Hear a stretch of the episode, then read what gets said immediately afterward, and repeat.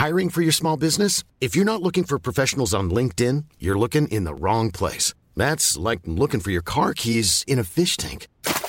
LinkedIn helps you hire professionals you can't find anywhere else, even those who aren't actively searching for a new job but might be open to the perfect role. In a given month, over 70% of LinkedIn users don't even visit other leading job sites. So start looking in the right place. With LinkedIn, you can hire professionals like a professional. Post your free job on linkedin.com slash people today.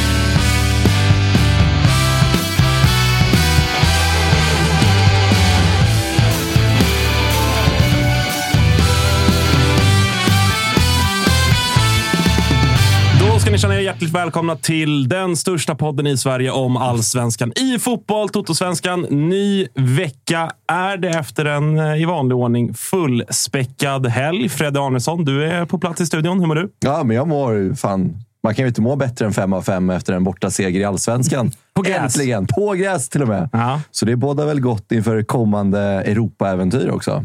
För där nere på kontinenten spelar de mycket på gräs. Ja, det brukar ju... Fotboll spelas ju ibland på gräs. Ja, exakt. Det så kanske att, inte- eh, det är fint att börja ta lite trepoängare där Det är så olika sorters gräs. Ja, just det. Just det. Så, så, så, och på tal om andra sorters gräs då. Gurra Granqvist, välkommen eh, hem igen då. Tack så mycket. Tack så Eh, mycket. Hur många dagar var du hemma? Eh, hur många har jag varit hemma? Innan du drog iväg igen? Ja, till det var väl öarna? En vecka ungefär. Ja. Sen drog jag tillbaka. Ja, men nu är du hemma. Nu har jag fått en dos och nu är jag hemma igen. Ja, jag. Det gäller att plana ut. Det är viktigt. Ja. Det går inte bara att gå cold turkey direkt. Liksom. Får, måste- får du chocka och komma hem till Exakt. Svedala? Exakt. Eh, hur, hur mår du? Jag mår toppen. Jag har också fått vinna på bortaplan, så bara det gör ju att man är, man är fem plus. 100 procent. Ja. Så det är jävligt fint. Då får vi eh, stå för det deppiga då, den här, eh, det här är avsnittet Josip. Ja, det får vi göra. Ja. Till eh, mångas stora besvikelse sitter jag ju här, så att det är alltid skönt. Ja, ska vi... Nej, vi lämnar, vi lämnar det. Vi lämnar det så. Jag frågar hur du mår, Agge, istället. Du är li- lite småbakfull. Ja, men jag mår ju fem plus också. Ja, i- men i, seger i solen. i solen i Uppsala. Två bajare i studion. känns lite, lite obehagligt. Men eh, det är någon grej att det är alltid ljudtekniker som är mest bakfull. Eller den enda som är bakfull kanske. Men det ska ju stå i CVt. Ja, så är det. Det är ju ett krav. Hur mår du då? Agge 1? Eh, jag, mår, eh, jag mår helt okej. Eh, tycker jag väl. Eh, ingen seger då såklart, men det, det har jag ju vant mig vid. Men eh, snart semester, så att jag eh, börjar se, se ljuset i tunneln här. Men du ser otroligt solig ut. Jävla Tack. brännare du har fått. Ja, jag har ju varit på Gotland. Ja. Eh, 19 grader och blåst hela veckan. Var det? Så du gick till solariet, eller? Alltså, det, var- det var nära på. Nära på. Det var, sista dagen var det, var det bra väder. Men, Såg ni grilla lite lamm och grejer? Ja. Succé, eller? Givetvis. givetvis lite, lite lammracks, lite lammentrikå. Något gott örtsmör där och sådär. Så jag har haft det bra. Det går ett rykte på Gotland om att liksom, ibland importerar de lite lamm, men säger att den är gotländsk. Uff. Hoppas inte du åkte på den. Nej, alltså, vi åkte ändå ut till ett, alltså ett, ett slakteri. Du Och köpte- slaktade och köpte- liksom Nej, lammet? jag skar inte halsen av lammet. Nej. Men, men eh, det kändes ändå autentiskt på något sätt. Att det här, det här var Gotlands lamm. Mm. Det är svårt att se att den där bonden som stod där med, med hängslebrallor hade importerat från Irland. Eller något sånt där. Det, det känns som att... Gurra hade levererat. Ja, Gurra hade Exakt så. Hade inte ätit det lammet kan jag säga. Nej, nej, det, det, nej men det, var, så det var bra. Men eh, alltså, snart ska ju Josip berätta Tuttosvenskan. Till ännu fler stora besvikelser. Kommer aldrig ha så få lyssnare som då. Nej, men fan, det, det ska bli kul. Det blir, väl, det blir ju riktig debut i programledarstolen. Jag har Ja. suttit ett testavsnitt. gång. Exakt, exakt. Men det Det, sen- det sändes Som du kommer lösa det. Nej, Tyvärr sändes det, men... Det var då vi hade tekniskt fel. Just det. Eh, nej, men det, ska bli, det, det ska bli kul och, och, och jag kommer såklart inte lyssna en minut på det. Men, men eh, det blir kul för de som kommer göra det. Eh, vi ska ringa upp Anton Saletros till att börja med. Presenterades, var ju en av eh, få ljusglimtar på Friends i lördags.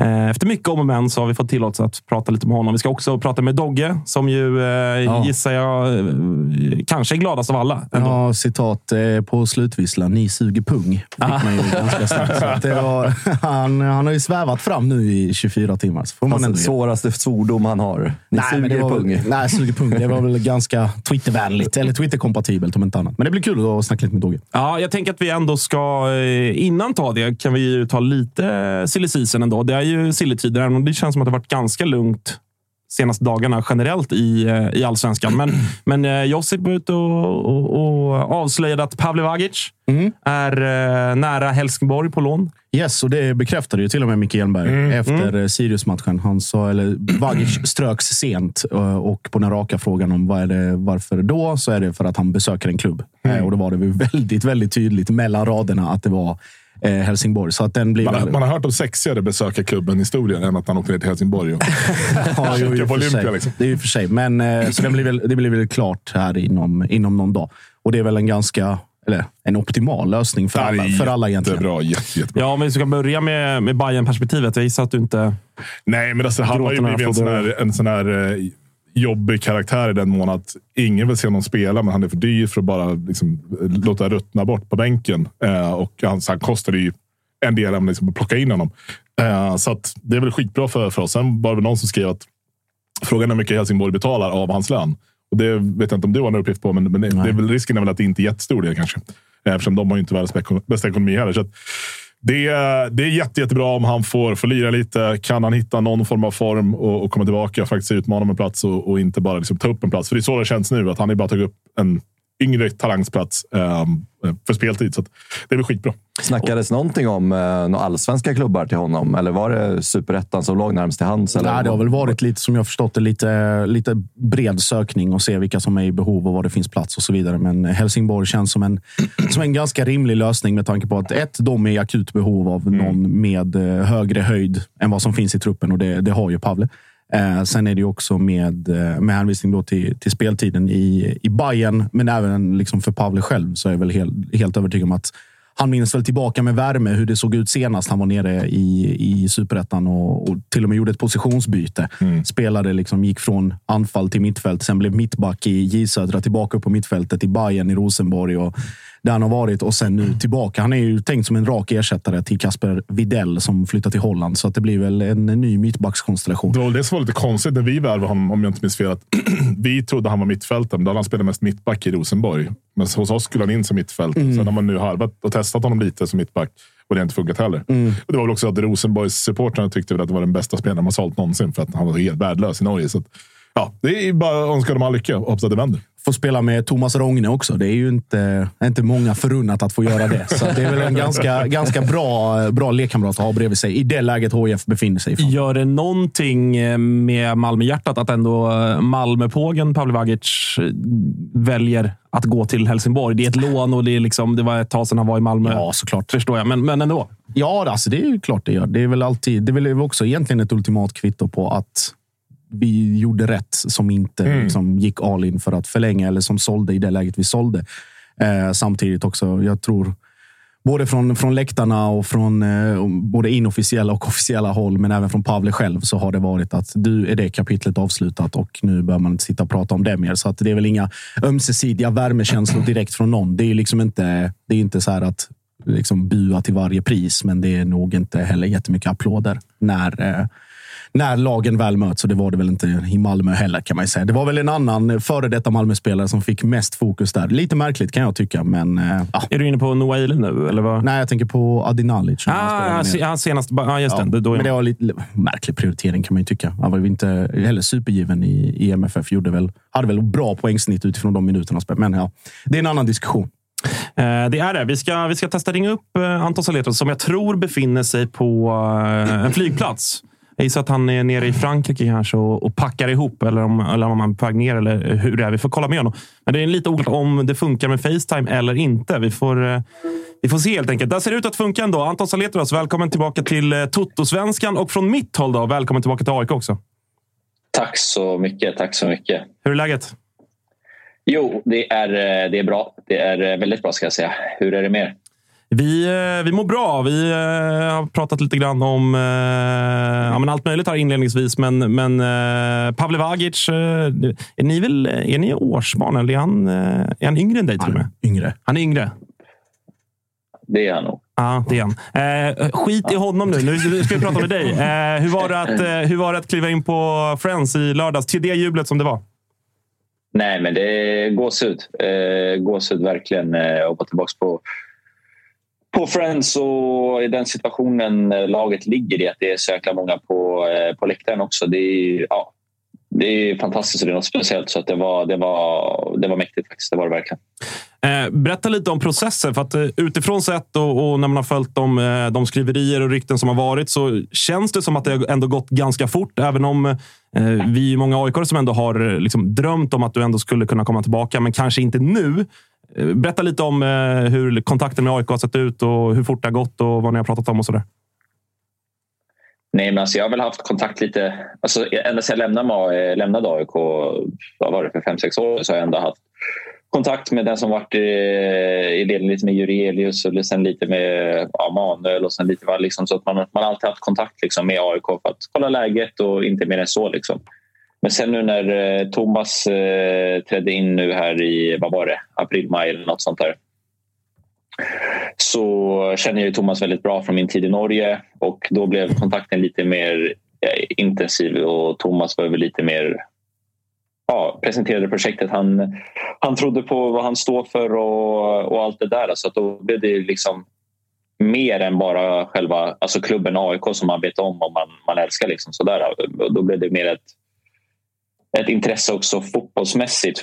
Så man kan tänka liksom ibland måste man, man måste tänka två gånger. Alltså, om man tänker bara med hjärtat då tror jag väl, alltså, då hade väl Alex Isak också gått hem imorgon liksom, och spelat för AIK.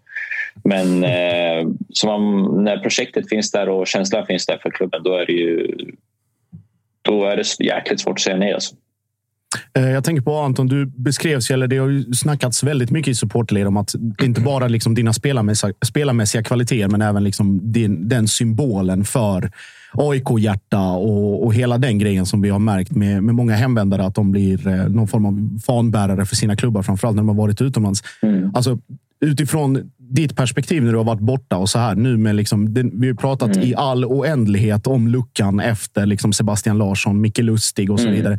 Känner du själv att fan, det här är nog en parameter eller en faktor som jag inte har tänkt på, men där det kanske finns lite extra förväntningar nu när du, när du vänder tillbaka? Ja, såklart, eh, såklart finns det extra förväntningar. Alltså när man är värvad och det finns eh, hål att fylla. Sen såklart att det, det är som alltid när det försvinner toppspelare. Som när Kristoffer Olsson försvann från AIK. Då, då, tänkte, då sa alla att nu måste någon eh, komma och ersätta Kristoffer Olsson. Det blir alltid som när någon har gjort det bra. Och sen och, som folk säger, ersätta Seb. Det kommer aldrig gå för Seb är Seb Larsson med, med allt det innebär. Jag, jag kommer vara mig själv och jag kommer vara den bästa versionen av mig själv. Och eh, förväntningar så, det finns ju alltid, speciellt när man blir värvad till en klubb som AIK i den situationen. Så att, eh, det är det absolut. Och jag eh, känner mig mer än redo för, för uppgiften och visa, visa allsvenskan AIK att man har blivit en bättre spelare. Ja, nu hemma, visserligen som Magge är inne på, kanske lite snabbare än förväntat. Hur gick diskussionen med Ken och ville de att du skulle förlänga? Eller hur såg den dialogen ut om en fortsättning i, i Frankrike? Ja, eh, så, så var det verkligen. Eh, de var nöjda med... Jag hade spelat för... Jag startade 13 mm. av 15 matcherna som, som jag spelade där. Så att, eh, jag var en viktig kugge i laget där, men de, de hade lite problem, interna problem med klubben som är ja, svårt för mig att sitta och prata om. Så, sådana saker. Så att, eh, de hade lite problem där. Eh, samtidigt som att de, det var diskussioner om nytt kontrakt och sånt. Men jag kände väl med tanke på hur situationen var, eh, var i klubben att eh, jag vill gå på någonting som känns riktigt, riktigt jäkla bra för mig och det, det, det gör det i AIK. Ja, men lite det du är inne på. Rörigt ju, har man förstått det som nere i mm. Frankrike. Med, det är tränarrokader och sportchef och ägare väl till och med, tror jag, som har mm. eh, ändrats på. Men mm. vad, vad, tar du med dig från den ja, ganska korta perioden, men ändå liksom, kan jag tänka mig lärorika perioden från eh, Frankrike? Ja, alltså såklart. Andra ligor i Frankrike. När jag kom dit blev jag faktiskt eh, chockad över hur bra kvalitet eh, kvaliteten var eh, på spelarna och många som spelade. Vi, alltså, Saint Etienne, Bordeaux, Metz. Det är lag liksom som är uppe i högsta ligan ofta i Frankrike. Så det är väldigt bra spelare. Jag, jag läste liksom någonting om eh, Malmö FF var intresserad av han från Sochaux. Jag vet inte om ni läste det. Mm. Eh, han Dombia kanske han heter. Ja, Moussa Doumbia. Alltså, det är, ja, otro, alltså, när jag mötte honom var det en otrolig spelare. Hur snabb som helst, hur bra som helst. Man blir liksom så här, shit. Det är, det är bra nivå på spelarna som är eh, i den ligan och eh, det ser man också vilka klubbar de får och hur de presterar. Så att jag tror att tempot i ligan var, var någonting jag verkligen sa shit, det här, det här tar jag med mig. Hur intensiva de är i allting de gör. Sen kanske man är kanske lite bättre taktiskt i Sverige och så, men det spelar ingen roll. Du kan ju vara hur taktisk som helst. Om någon bara springer förbi dig varje gång kan du stå och rita på tavlan hur mycket som helst. Det, det spelar ingen roll. Anton, du var inne på att det skulle kännas riktigt jäkla bra här nu när du lämnar Cannes eh, för AIK. Var det några andra lag som var med liksom in i Tampen på ditt val eller var det ganska tydligt från första början att jag vill hem till AIK? Eller var det andra lag i, med i bilden också långt in? Nej, alltså, det var ju tror det var två klubbar nu i sommar som la bud till, eh, till K. Eh, som klubben värderade och så, men som jag ja, var, var tveksam till. Så att, eh, det, var, det här var det spåret jag ville och kände, kände att det var, det var det bästa för mig. Det kändes helt rätt i hjärtat och eh, tidpunkten och allting blir, blir bra. Blir, eh, blir bra. Så nu handlar det bara om att eh, komma, komma till Sverige eh, landa på Karlberg och börja leverera på en gång. För det finns ingen tid att spilla. Nej, exakt. Vi är ju i, i ett läge som vi är i AIK. Jag vet ju att du, att du följer AIK noga även när du har varit eh, utomlands. Vad är liksom... Svårt utifrån kanske, men vad är din eh, bild eller eh, liksom, eh, ja, analys till varför det har gått som det har gått under de här första 13-14 matcherna? Analysen är jäkligt svår att göra utifrån, men så som det ser utifrån så är det ju... Fotboll handlar om detaljer. Och Det ser man också senast matchen mot Häcken att det är en bra första halvlek. Detaljer att Otieno gör mål, stolpen, det finns lägen. Målen man släpper in är också detaljer. Det är typiskt ett lag som går lite i motvind. Att, ja, men det blir en snedspark i straffområdet man ska rensa. Det blir en, den går tunnel på Sotte in i mål. Alltså det, det, det är sådana där små detaljer. Och de där detaljerna tror jag att man, eh, man tjänar sig till genom hårt arbete. Och gör man hårt arbete under lång tid då kommer de där eh, små detaljerna att vända sakta men säkert. Och när de där detaljerna vänder så, så tror jag att eh, hela, hela skeppet vänder. Och man vet ju när, när AIK börjar blåsa åt rätt riktning då är det ett jäkla tåg som är svårt, och, svårt att stoppa. Hur har liksom, diskussionerna gått med, med Thomas då när, ni har, ja, när det blev klart eller när det var nära att det blev klart och ni på något sätt var överens om att vi, vi kör? Vad liksom, har han pratat om med dig att han vill ha ut av dig i det här AIK? Eh, det är också en ny, ny tränare nu med, med Henning Berg som historiskt sett framförallt har spelat 4-2-3-1. Om vi ponerar att det är tanken framöver, vart ser du dig i det systemet? Eh, nej men centralt. Eh, någon av de tre, tre i mitten. Spelade 4-2-3 i Norge, spelade 4-2-3 i Frankrike också. Då har jag spelat som en av de två åttorna. Eh, mest, mestadels. Jag har spelat, spelat tia också någon match, men mestadels som två av de åttorna. Har spelat sexa i Frankrike också. Så att, eh, det är någon av dem, men där jag ser mig själv som den positionen är ju en av, en av åttorna där. Och det tror jag Thomas och Henning vet också eftersom ja, Thomas har ju väldigt bra koll på mig från tiden i Norge där vi det sättet spelade. Så att, eh, jag tror att eh, mallen och ramen är ganska klar vad Thomas förväntar sig av mig. Och jag är ganska tydlig med på vad jag behöver göra. Vad är eh, status i övrigt då? Med liksom, eh, dels matchform, men även eh, pappersarbete och sånt. Det kanske inte du har 100% koll på, men det är Varberg borta om en vecka. Är du liksom mm. Mm. redo att köra då om Henning vill, vill spela dig? Ja, så jag är alltid redo. Det, det, är bara att köra. Det är bara att köra. Spelade match sista i var andra juni, hade vi sista matchen. Och sen har vi tränat ja, två och en halv vecka i Frankrike i alla fall. Så har kört, kört på där, så att, det ska inte vara några problem. Eh, jag tänker på Anton, du har ju en landskamp och det är, det är tre år sedan nu. Det är, eh, är mm. Kosovo januari-turnén. Eh, har du haft något, någon kontakt eller något snack med Sverige? Men jag tänker framförallt på Ungern. De har börjat bli snabba på att snappa upp lite andra. Mm. Jag tänker framförallt på Nanasi som de följer jävligt intensivt som mm. jag förstått. Mm. Nej, alltså jag har blivit kontaktad av Ungern ja, två, tre gånger. Speciellt inför det där EMet var det något var det 2021 var det uppskjutning. Ja, exakt. exakt. Jag har inte koll på året. Ja, men exakt. Och då, och då blev de kontaktade. Och, men det pappersstrul och lite sånt där gjorde att uh, det inte gick igenom. Men de har, de, har, de har varit i kontakt. Det har de varit. Mm. Spännande. Ja, spännande. Det är... Ja, just det, Nanasi, han är också, han är, han är också är han halvungersk han också. Ja, det är från eh, farsans sida som jag förstått. Ja, okej, okej. Ja, samma som mig. Ja. Mm. Också då. Men han är, han är Det är låst. Ja, den känns låst. Det är redan låst. Den känns ganska, den känns ganska avklarad. Men du, Anton, pappersstrul. Då var så, du, du, du var klar och, och redo att köra då? Eller?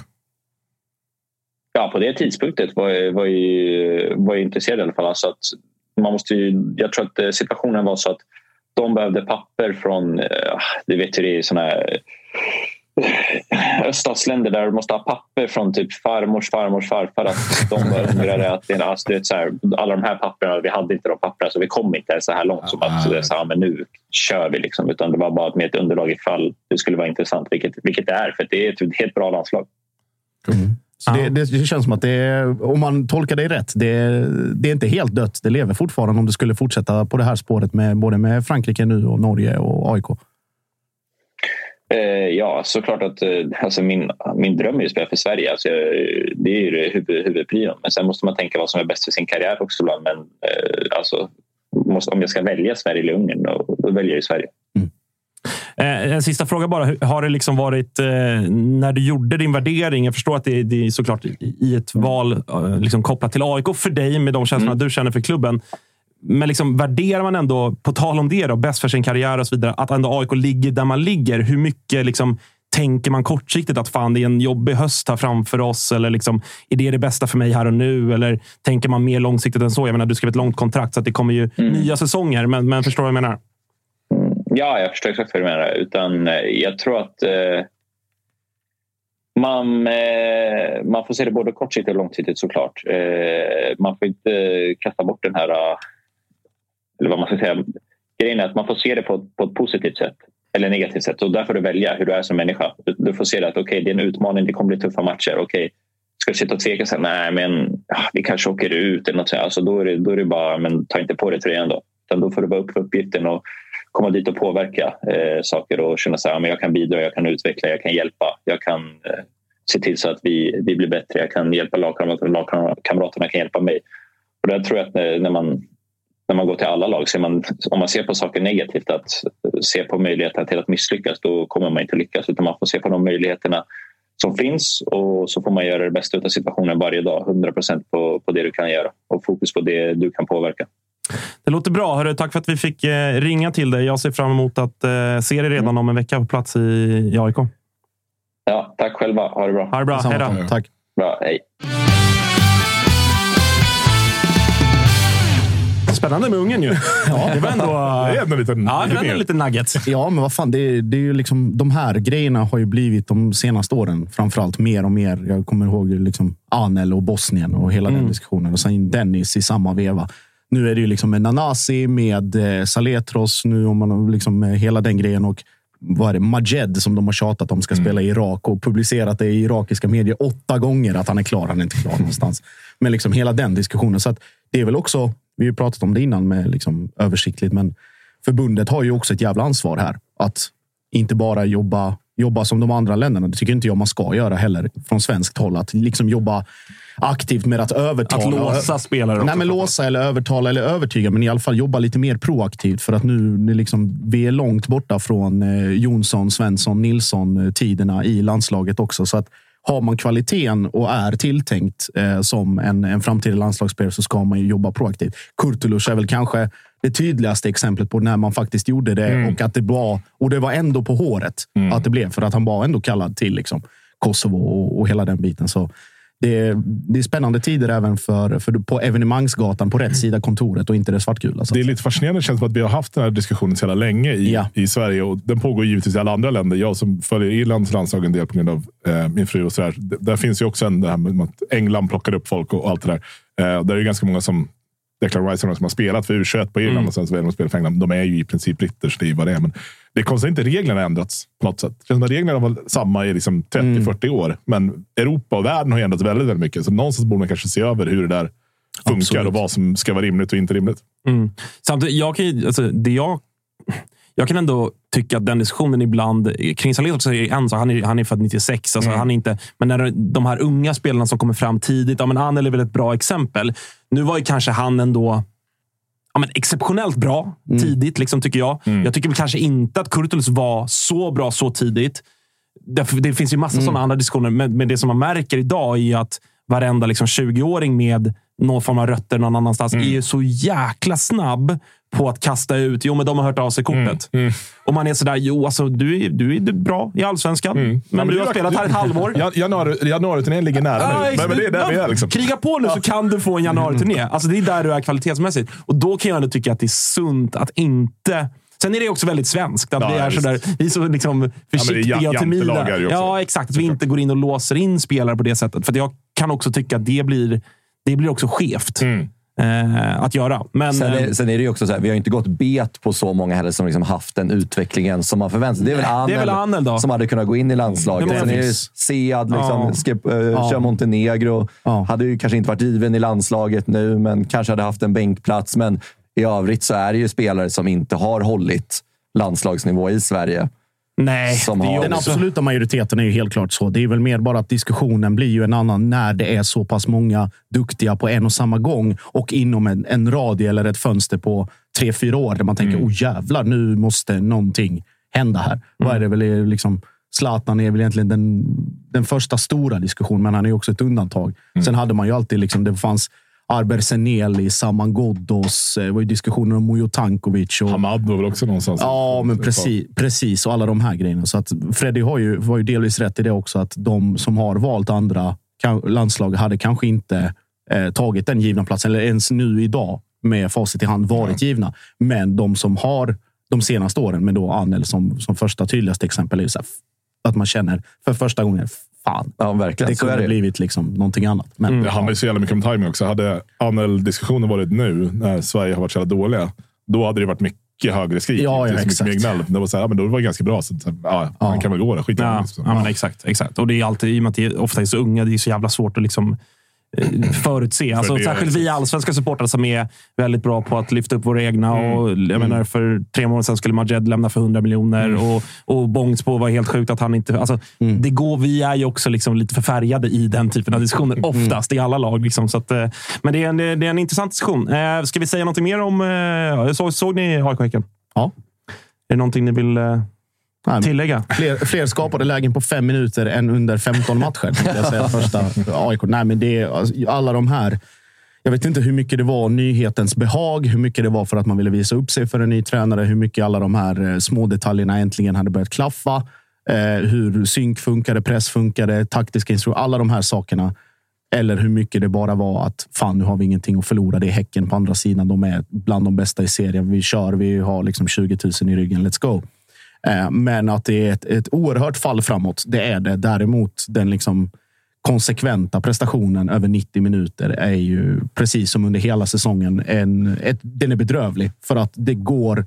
Jag fick ju sådana flashbacks till Malmös första 45 mot Djurgården i kuppen och andra 45 där det såg ut som att de mest ville gå och gömma sig. Här var det ju en kombination av att AIK helt enkelt inte orkade, hade inte liksom kunskapen eller eh, kvaliteten att upprätthålla det i 45 minuter till, men också att Häcken kom in i det mer och bara liksom gjorde sin grej och trummade på och fick, fick ordning på sitt. Så att det var väl en, en ganska logisk följd av det. Men att, att få de svaren, att man har, vet att man har i alla fall 45 minuter i sig. Det är 45 minuter mer än vad AIK har visat upp under en halv säsong hittills. Ja, men ver verkligen så är det. Och det, det är klart att som AIK, man tar ju med sig det samtidigt som man ju också får en liksom reality check över hur skör den här truppen är. Man känner, alltså när rättet kommer i ett, är det 52 eller 53 och man vet att det är nästan 40 Det minuter ju för, kvar det kom ju för tidigt för AIK. Ja, alldeles för tidigt. Så hade det varit i 70 då kanske man hade kunnat rida ut den stormen. Mm. Men jag tycker att man ser direkt på kroppsspråket. Man ser direkt på liksom reaktionen. Det här blir jobbigt. Fan, jag vill inte vara kvar på den här planen. Lite den känslan får man ju. Och- det är väl där vi är utifrån hur, hur våren har varit. Liksom. Men Är, här, är, det, är det 1-1 som Sotte styr in? Eller? Ja, exakt. Fan, är han den som har styrt in flest självmål totalt sett i Allsvenskan? Det känns som att det där Kanske. sker var fjärde omgång. Kanske. Eh, det, är, det är ett par tunga dojor. Det, börjar, det är ingen bra värvning det där. Alltså, Nej. totalt sett. Det var en bra första Nej, det- säsongen. Ja, ja. Nej, jag, jag är inte hans största försvarare. Ja, det är så. Nej, men det var väl alltså, man tyckte väl att AIK eh, gjorde en väldigt, väldigt bra första halvlek, men det var ju också väldigt, väldigt simpelt och det är väl precis det man kan förvänta sig av ett Henning har precis kommit in eh, och sen har väl Berntsen sagt att laget inte eh, har tränat tillräckligt mycket, eh, vilket ju är ett, riktigt jävla underbetyg får man ju säga till, till Brännan och, och övriga som hållit på där. Eh, så det, var väl en, det var ju bara en tidsfråga hur länge de skulle orka. Och sen trodde man kanske de skulle klara de behövde ju klara egentligen första tio av andra halvlek. Ja. Då hade ju Häcken liksom börjat tappa tron på att det skulle ske. Men sen ja, hjälpte Sotte till och så, så löste det sig för alla, allas bästa. Hårt ändå lägger det bara på Sotte, även om jag hör det. Men nej, nej, men så är det ju. Och det är ju ett, sen är har ju diskussionen i AIK varit mycket sådär huruvida det är ett defensivt problem eller framförallt ett offensivt. Där jag det är glasklart för mig. Även om egentligen båda målen går det att anmärka på till att börja med. Tycko sen som ska täcka ut bollen, ja. men inte lyckas med det. Och sen Sottes agerande vid 1-1. Och 2-1 målet så misslyckas man med sex rensningar eller vad det är. Mm. Och till slut så, så, så sitter den där bakom. Men det är fortfarande, tycker jag, det, glasklart att det stora problemet är offensiven. Alltså, jag menar, nu, nu, är det, nu är det en ny ytterback som är i mål. Mm. Modesto står på fyra av nio gjorda, tror jag. Mm. Eller elva gjorda, eller vad fan det nu är. Eh, alltså, våra anfallare är ju, de är ju sämst i serien just nu. Ja, men JG får ju två ganska bra lägen. Det är ju inspelet där av Modesto är ju så jävla fint till Gudetti som egentligen bara ska ta ner den och smälla in den. Och en Gudetti som man kanske någonstans förväntar sig där han ska vara, är han ju inte. För en Gudetti ska ju sätta det där läget. Det är därför han har blivit inköpt till AIK, för att sätta de där lägena. Och det blir så tydligt liksom för han och hela AIK liksom kring honom att han bränner de där lägena. Han kan bli den där liksom, ja, men verkligen så vågen som gör att AIK vinner den här matchen. Mm. Det blir han ju inte ytterligare Nej. en gång. Mm. Och Det måste vara så jäkla frustrerande, för man sitter ju och kollar på tv och bara... Såklart, jag som djurgårdare, man sitter ju och njuter, men det måste vara så extremt frustrerande som AIK med allsvenskans största prestigevärvning någonsin. Och sen lyckas han inte sätta de där lägena ens. Det måste vara liksom ja, bägaren måste ju verkligen rinna över nu. För, ja, alltså för, många aik ja, på läktaren ja, och hur man pratar kring honom. Ja, och, och det, är, det, är min bild att, att den här matchen... Och Det blir alltså egentligen lite orättvist att det är Häcken hemma som på något sätt är det som får att rinna över. Men nu har det pågått under så lång tid. Mig veterligen är det inte någon skada längre som liksom man kan skylla på.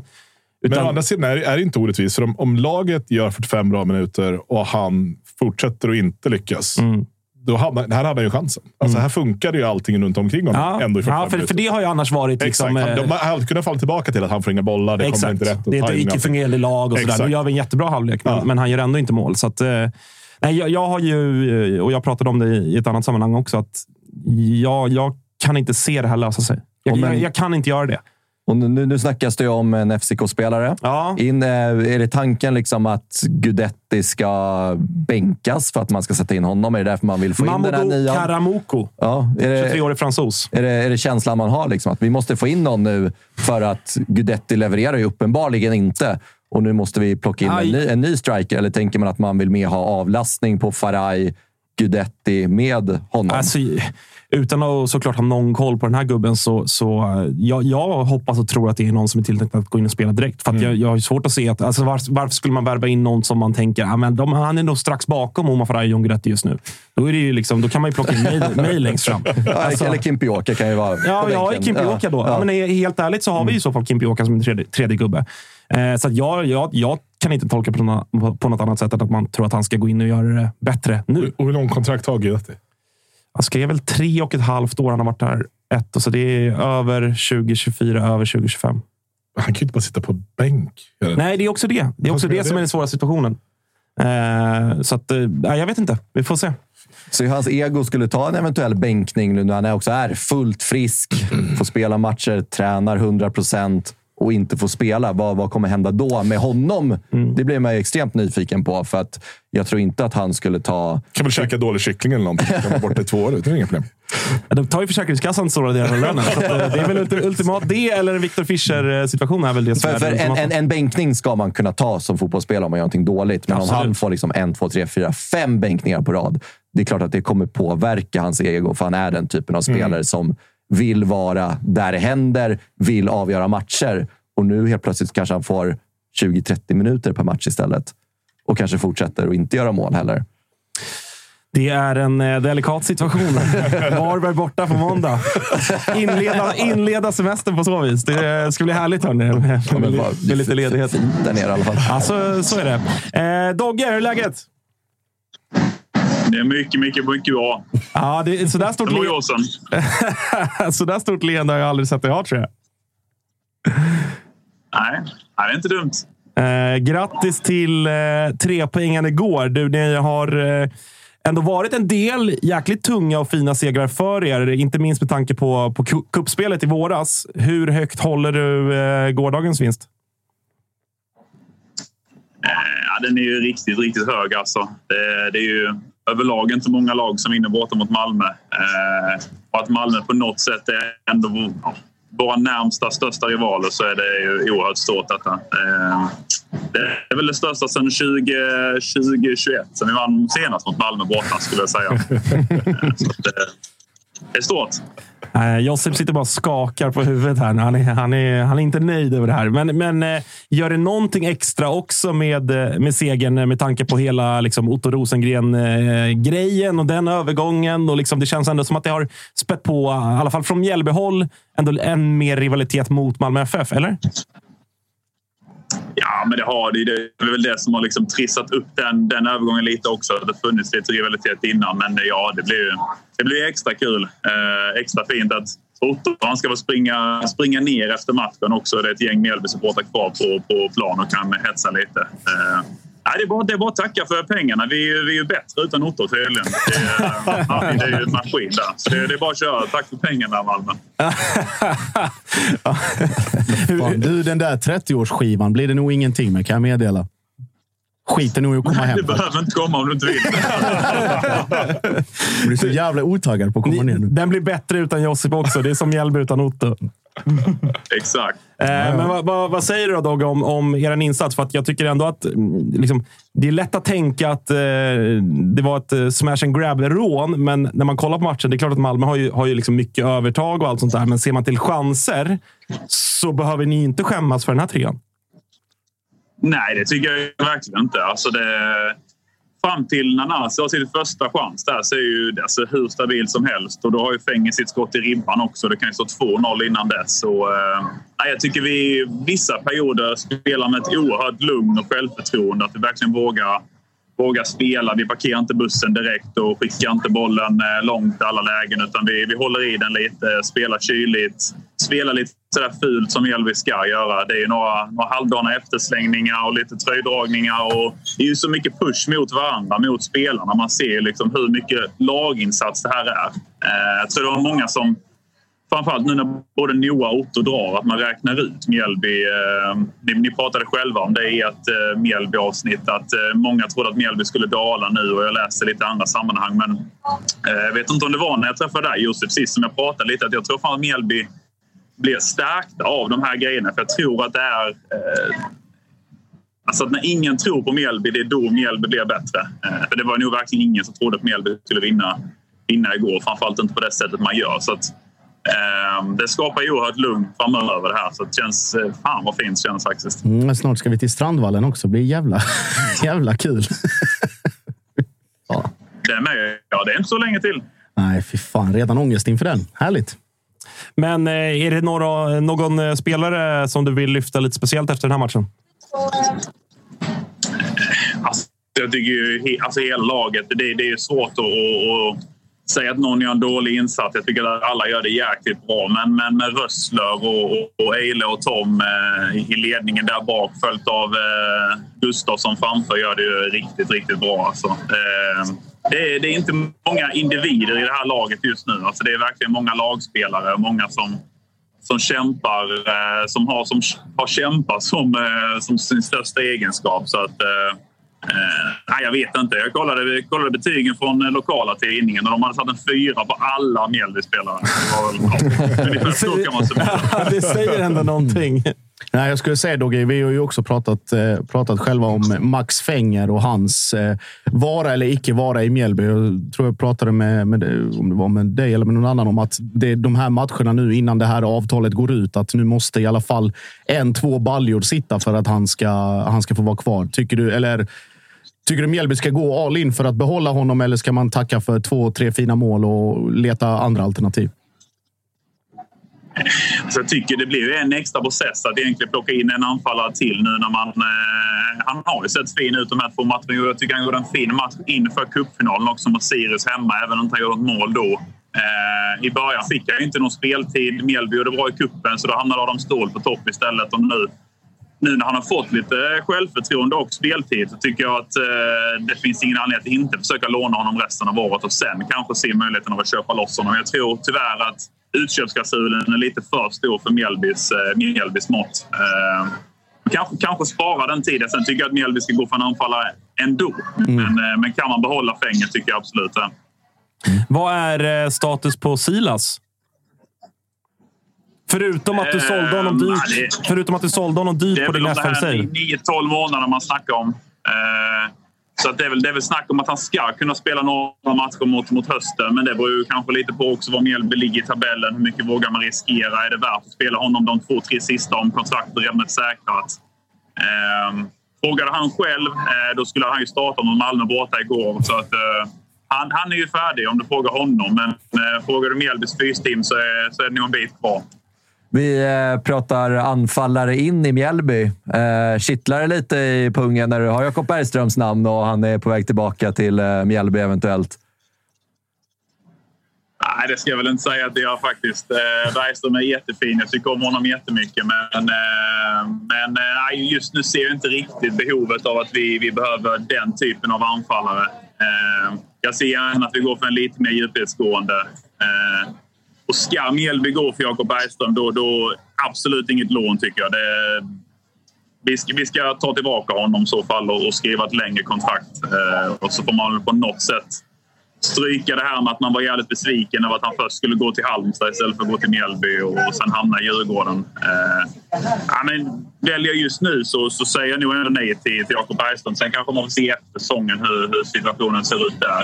Eh, han har ju mycket, mycket av de egenskaperna som passar bra in i ett fotbollslag som Mjällby. Och eh, Moro får inga fler inhopp, va? Nej, det var... Eh, nej, jag vet inte vad man ska säga faktiskt.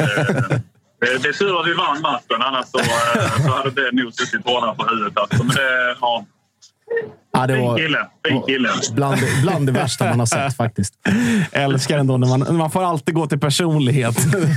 fin kille ändå. Fin kille ändå. På, ta, på tal om fin kille då, men, men fortfarande ganska bra på att spela fotboll. Grande jävla löken. 1 plus 1 borta mot Malmö, 36 bast. Ja, alltså det jag, får, jag får nog själv vika med det. Alltså. Det är många andra också som har räknat ut honom flera gånger om. Alltså det, jag kommer ihåg när Mjällby gick upp i Allsvenskan 2020 och jag tänkte att eh, Löken han eh, kommer nog få svårt att, att göra det bra här och så gör han det riktigt bra. Och sen inför det här året tänker man att ja, var- varför ska han tillhöra den här truppen? Men eh, det är bara att lyfta på hatten. Det är, Löken är en av Mjällbys största spelare genom tiderna. Eh, det, det går inte att säga något annat. Alltså. Och, och han leder väl poängligan nu i Mjällby på två starter. Det, det säger väl ändå en, en del av hans intryck. Eh, det, det är bara att lyfta på hatten. Oerhört imponerad. Eh, men du, fy, fyra, pinnar, Ja. fyra pinnar här nu sen, eh, sen återstarten. Och det låter på dig som att du inte, kanske till, till skillnad från vad vi har pratat om lite grann här, att du tittar inte så mycket neråt, till, snarare uppåt, eller? Jag måste bara byta lite location. Här är jag på Liseberg, spelhallen. Här. Ah. Pass, passa dig för...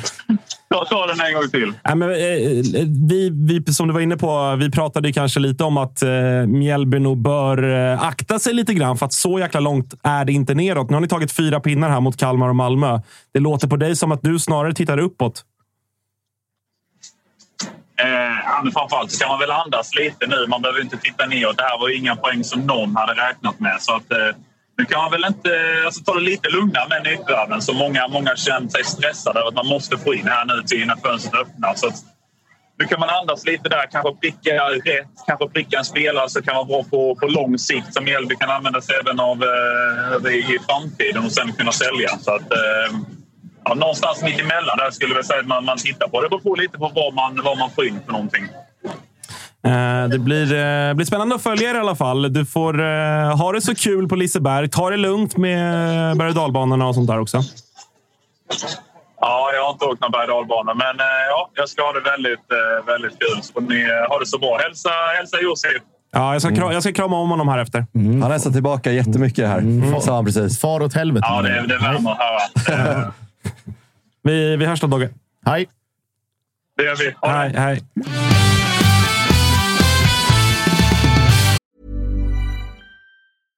Vi är glada att Tuttosvenskan görs med våra vänner på HelloFresh. Och många där ute, inklusive oss, börjar kika på att använda mer växtbaserade och hållbara ingredienser när det kommer till just matlagning. Och nu har våra vänner på HelloFresh via sitt nya samarbete med Oatly nöjet att presentera massa nya rätter på veckomenyn med just Oatlys havrebaserade i-mat. Och varför i-mat, Dage? Ja, men det är väl kanske en fråga man ställer sig. Men det är ju så att det är en ingrediens med 61 procent mindre eh, CO2-utsläpp och 83 procent mindre mättat fett än traditionell grädde. Så det är ett väldigt bra substitut. Ja, men och denna vecka så har vi kollat på HelloFresh hemsida och eh, botaniserat lite kring recepten som innehåller just i-mat. Och min tydliga, tydliga favorit är den soltorkad tomat rigatonin som ju har då lite soltorkade tomater, det är körsbärstomater, det är rucola, zucchini, riven ost, Ja, men ni hör, en väldig massa smaskiga grejer som blir en krämig pasta. Just att använda rigatonin, Freddy, som jag vet att du gillar också, som just suger upp all den här såsen. Mm, den är en favorit hos mig. Verkligen, och jag gick faktiskt händelserna i förväg och testade redan förra veckan deras medelhavsinspirerade räkgryta med just i-matsåsen och sen lite, lite, lite fint långkornigt ris. Eh, och Agge, vi har ju som vanligt en kanonkod också med våra vänner på HelloFresh. Den, den, den, den hoppas jag folk kan nu. Ja, det är ju Fresh Tutto. Du får upp till 1359 kronor i rabatt på dina fem första kassar om du inte har prövat HelloFresh ännu. Plus fri frakt på den första matkassen. Och det som är så bra, har du inte använt HelloFresh på över 12 månader så gäller koden även dig. Så gå in på hellofresh.se och lägg en beställning på en riktigt fin matkasse redan nu. Testa HelloFresh, testa Oatlys i-mat. Vi säger stort tack HelloFresh. Vi är sponsrade av MQ och nu har Dobber, som är deras egna varumärke, kommit med en sommarkollektion. Äntligen lägger vi vintern och alla tunga plagg bakom oss och klär oss lite lätt. Sunset Horizon Club, alltså vad är det? Jo, det är inspirerat av surfen. Jag älskar surfen. Det är raka linjer. Det är eh, inte de här tajta plaggen, utan det är, det är lite mer luftigt. Och det kommer också i en eh, rad olika material, eller hur? Ja, men så är det. Det är ju eh, tencel, det är linne, det är lite jordiga toner eh, och eh, vad gäller plagg då så är ju de eh, knälånga stilrena shortsen såklart med oss. Vi har skjortor med print och broderi samt det som jag kanske föredrar mest av det här, set i form av shorts och overshirt i liksom samma stil. Och så lite skjorta under det kanske är man redo för eh, lite kärleksfulla eh, sommarkvällar, Thomas. Mm, som ni hör, eh, det finns en hel del att kolla in i Sunset Horizon Club som alltså är Dobbers nya sommarkollektion. Glöm inte bort Tencel som alltså är mitt favoritmaterial som utmanar bomullen. Det är... Jag kan inte säga Bomullen kan ju vara både tjock och tunn beroende på hur, hur många gram man använder, men den, det känns väldigt lätt på kroppen. eh, Väldigt Ligger mjuk och len. Ja, len. Bra. Len Bra, är bra, bra, Tencellen bra. också. Eh, det, det här ska man kika in. Alltså Dobbers eh, nya sommarkollektion som heter Sunset Horizon Club. Och var finns det någonstans? Det finns på mq.se eller i alla MQ-butiker runt om i landet. Gå in och fynda nu inför sommaren. Vi säger stort tack till MQ som är med och sponsrar Toto-svenskan. Hiring for your small business? If you're not looking for professionals on LinkedIn, you're looking in the wrong place. That's like looking for your car keys in a fish tank. LinkedIn helps you hire professionals you can't find anywhere else, even those who aren't actively searching for a new job but might be open to the perfect role. In a given month, over 70% of LinkedIn users don't even visit other leading job sites. So start looking in the right place. With LinkedIn, you can hire professionals like a professional. Post your free job on linkedin.com slash people today. Ja, det där jävla flinet blir man ju inte av med. Nej, det kommer du ju- drömma mardrömmar Ja, men det kommer ju tryckas i ens ansikte i, ja, fram till Strandvallen. Är det alltså Kanske blir ännu- 30-årsdoja i helgen? Ja, det är i veckan han fyller 30 korgar. Så det är någon inplanerad grill. Du kan ju säga att den grillen blir ju inte någonting. Kommer givetvis vara i små bitar så fort man kommer dit. Ja. Nej, men vad fan. Det ska, vi, ska vi naturligt övergång till, eh, till den matchen då? Mm, jag tänker det att vi ska ta, ta Malmö-perspektivet. Då. Är det årets sämsta match, eller? Ja, alltså om man, i paritet med om man bara liksom ska ta Elfsborgsmatchen i jämförelse där vi blir fullständigt cementerade av eh, både då och nu kanske seriens eh, mest effektiva lag. Eh, by far. eh, så är ju den här matchen en, en liksom kollektiv plattinsats där många som skulle fylla vissa luckor uppenbarligen inte klarar av det.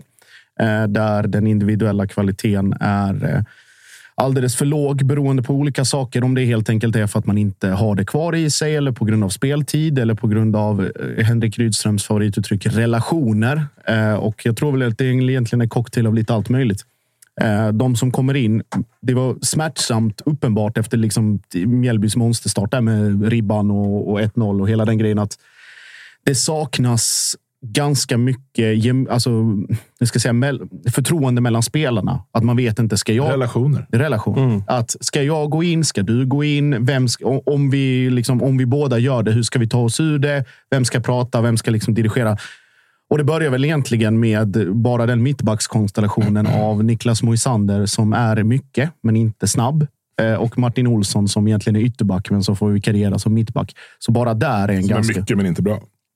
Jag, jag, fin kille. Jag gillar, Martin. jag gillar Martin. Han bidrar med sitt, men mittback är ju absolut inte hans naturliga position. Eh, och det sätter väl också standarden lite grann för, för resten av, av matchen. Och Peña som lyckas tajma in sin kanske sämsta insats för året i kombination med en Nanasi som både får städa efter Peñas eh, slarviga passningsspel, men också ska vara kreativt, eh, kreativt ansvarig framåt.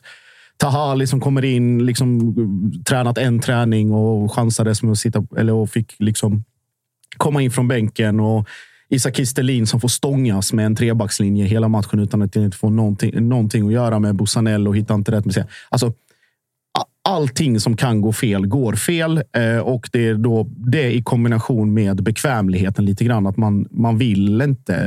Man känner inte sig skitsugen på att gå in i dueller med Jesper Gustavsson eller Viktor Gustavsson för att man vet att det kommer bli fult. Det kommer bli lite grinigt. Det kommer göra ont. Det kommer göra ont. Eh, domaren kanske inte heller kommer att lyssna på en precis som den brukar. Det här var en. Jag tror det var hans kanske första match på stadion. Eh, Rickard Sundell som har dömt superettan innan tycker han gör det alltså, utifrån förutsättningar en bra match. Så det är ingenting som, som han ska lastas för att han var kass eller ville leka läcker för att använda ett uttryck. Där det, är många, det vet jag många domare som minsann ska visa att de står emot lite visselorkaner när målvakter eh, mm, tar... De har vi haft. Ja, när de tar lite lång tid på sig. Eh, visst, Noel Törnqvist, han, han mjölkade där ganska hårt, men vad fan, det är inte där matchen avgörs. Utan det är det är ett motstånd som har... Jag vet, det var folk som tyckte att ja, men de har spelat cupfinal. Hur fan kan detta vara årets match? Det är alltid årets match för Mjällby att möta, möta Malmö, både hemma och borta.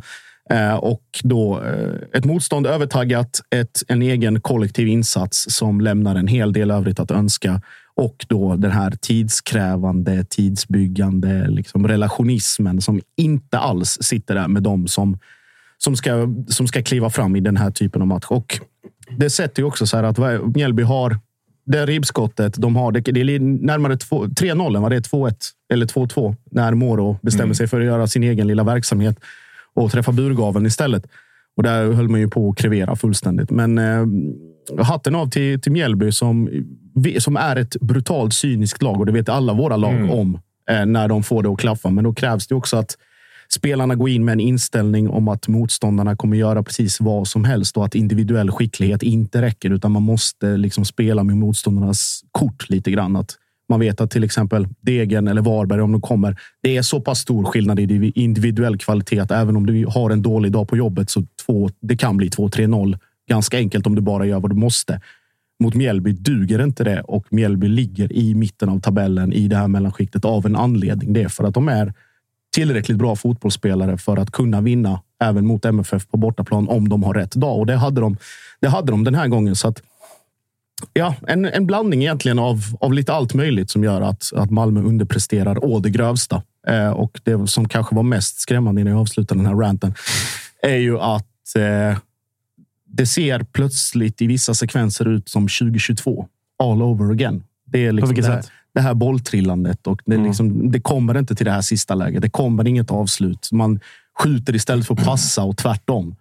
Eh, och vad det beror på, det är återigen Djurgårdsmatchen i kuppen andra halvlek som, som någon form av flashback där vi vet att okej, okay, fan nu satt det kvar. Vi har haft en väldigt bra vår med väldigt mycket som har klaffat fram till de kanske tre sista omgångarna inför uppehållet att det varit en kontinuerlig startelva. Vi pratade om det innan. Alltså, i, den här, I Malmös startelva är det alltså bara Peña som har spelat alla matcher. resten har tvingats rotera ut på grund av skador eller avstängningar eller nyförvärv. Eller... Och det där, den- diskussionen hade vi ju under, under Milos-perioden också. Ju, där vi ju, i alla fall här och, och liksom på många andra ställen kanske liksom landade i att det kan inte vara otur när det pågår under en så pass lång tid. Att det kanske är någonting i sättet man tränar. Man kanske är över, överbelastade. Eller liksom, ål- Ålderstigen trupp var ju väldigt mycket snack om då. Ju. Ja, ja, men Eh. det, jag, tror inte, jag tycker inte den diskussionen går att tillämpa överhuvudtaget i det här skedet. Derek Cornelius är överbelastningsskadad och det sa ju till och med Rydström att det tar han på sig. Han har fått slita hårt. Mm. Eh, vad är det? Vecchia och AC har skador som håller dem långt borta från en fotbollsplan. Och, och det går inte heller att påverka på det sättet. Lasse Nilsson har maximal otur där hans liksom, vad är det, fotled eller någonting svullnar upp efter träning och då är matchen den matchen utesluten men kan spela mot Djurgården. Så att det är de här små sakerna. Och sen samtidigt har du tre spetsiga nyförvärv som ska in, som är liksom där det har lagts dyra pengar. Alla förväntningar som finns på Pontus Jansson, allt snack som har varit där. Otto Rosengren som man själv var inne på att det är den här matchen av alla matcher som är den första. Sebastian Jörgensen som också liksom från ny, liksom land, liga, tempo, var två, tre träningar med laget och sen plötsligt in. Och, och det förväntas att han ska dra sin gubbe i underläge 2-0 när alla bara mest vill gå hem. Alternativt kasta snusdosor på de som är på plan. Så att det är alla de här sakerna. Men jag tror att alltså tajmingen här. Elfsborg å andra sidan, de går ju som tåget och gör sin grej och kör ju över Kalmar som att det inte fanns någonting, något motstånd nere på, på Guldfågeln. Nu har man visserligen det rött kort där, men det spelar ingen roll. Alltså, insatsen är vad den är. Och Malmö har alltså nu en lite oväntad förlust mot, eh, mot Mjällby hemma. Man har Djurgården, man har AIK, eh, sen är det Värnamo hemma och så där. Och så ska allt det här in då på ganska kort tid. Så man får väl de som har det svettigast nere i Malmö just nu är väl egentligen rehabteamet. Att få de här spelklara, men om de ska bli spelklara, till vilket pris? Är Så också- att man inte hamnar i en sits där man var förra året, där man spelar två borta fem. Men det är också så jävla fascinerande. Då, så att nu, nu räknar du upp de som får spela. Det är Moisander och Olsson. Och det, är liksom så här, de är, de är inte, det funkar inte. och så där. Det är fortfarande inga dåliga fotbollsspelare. Om du tittar på övriga startelvan, ja, visst ni har skador och så, men det är jävla startelva som, som står Ja. på planen där. Man tror ju ändå att det liksom ska bara gå av farten att spela av Mjällby. Mm. Det var lite som jag tyckte, så här, det som Häcken gjorde mot AIK var ju att de bestämde sig i andra halvlek. Nu, är, nu ska vi visa att vi är så här jävla mycket bättre än vad AIK är. Och då funkade det. Eh, Man tror att Malmö ska komma in i det också. Mm. Eh, För truppen är ju otrolig. Ja, och det är väl också de som... Alltså, Zidane som får det, det är ändå den startplatsen igen. Eh, är ju... Som jag har, jag har försvarat honom in i döden, men det här är ju, det här, den här insatsen går ju inte till, liksom, till historien på något sätt. Kanske som, som en av de sämre eh, och kom inte alls till sin rätt. Och det, det pratas om att han ska säljas. Det pratas om att liksom, eh, Lomotey är redan borta och ingen vet vad han är. Det ryktas om Cypern, men gud vet.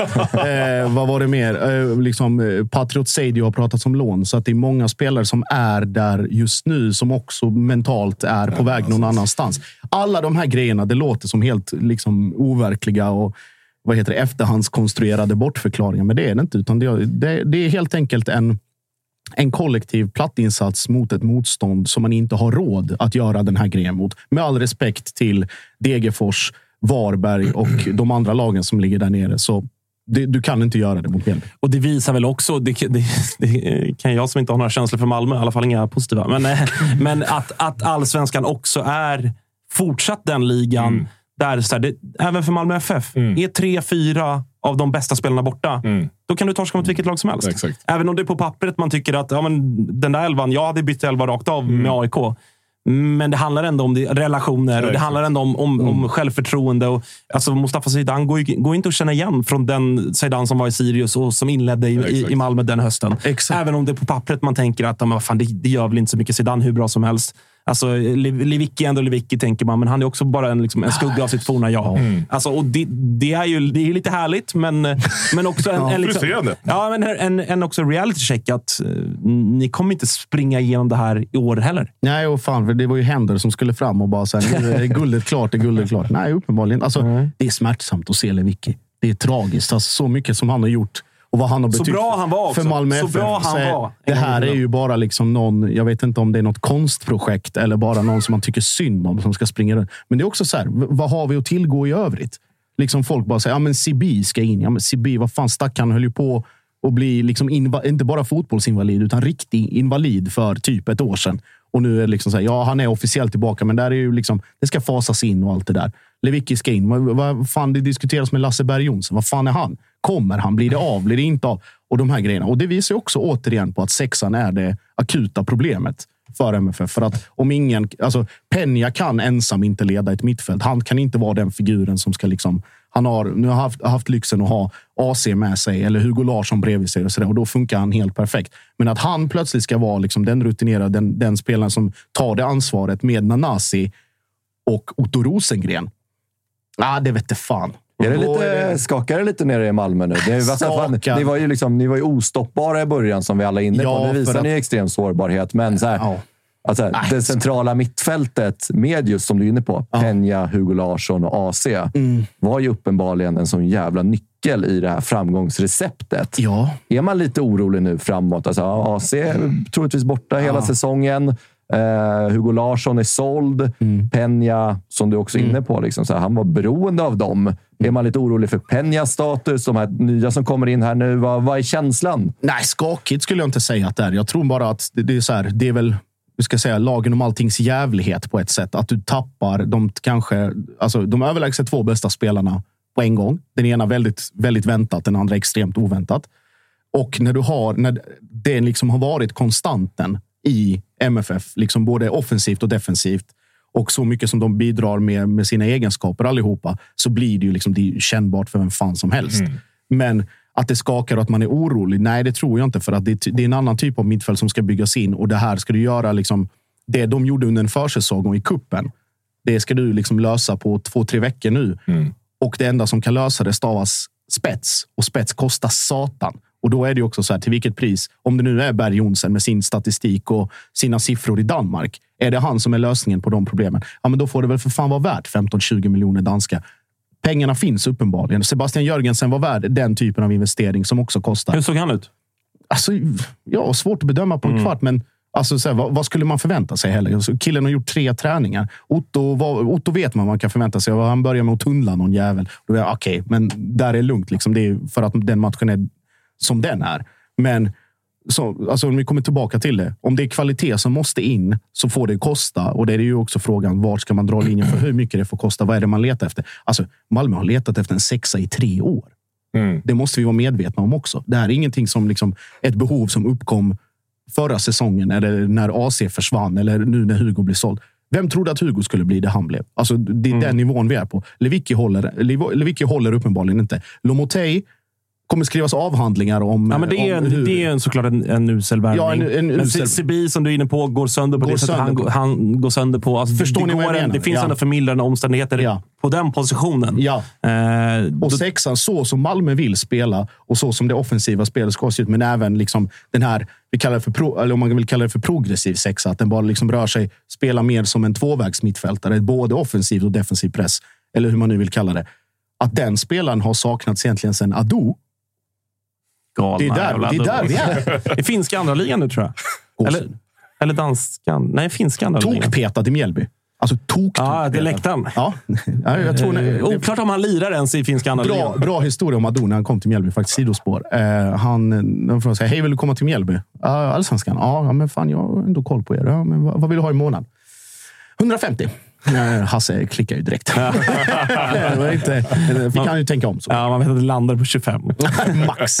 Max. Nej, men det, det är där vi är och det, det är den positionen också på något sätt som, som behöver förstärkas akut i det avseendet att den är så vital för allting annat. För att anfallsspelet ska klaffa, för att överlapparna liksom Eh, om det är Busanello eller vem det nu är, liksom, Ceesay eller liksom kanterna ska rulla. Tinnerholm har vi inte ens nämnt han har också varit skadad hur länge som helst. Så att, för att svara på din fråga Freddy på ett enkelt sätt. Nej, det skakar inte, men det är samtidigt så här att okej, men vi måste liksom så här, allting annat runt omkring pågår också. Vi måste fixa det här och vi måste fixa det här ganska snart. Och till skillnad från tidigare år så är även styrelsen redo att kasta fram plånboken. För innan har det varit mm, man har fått wheela och deala lite.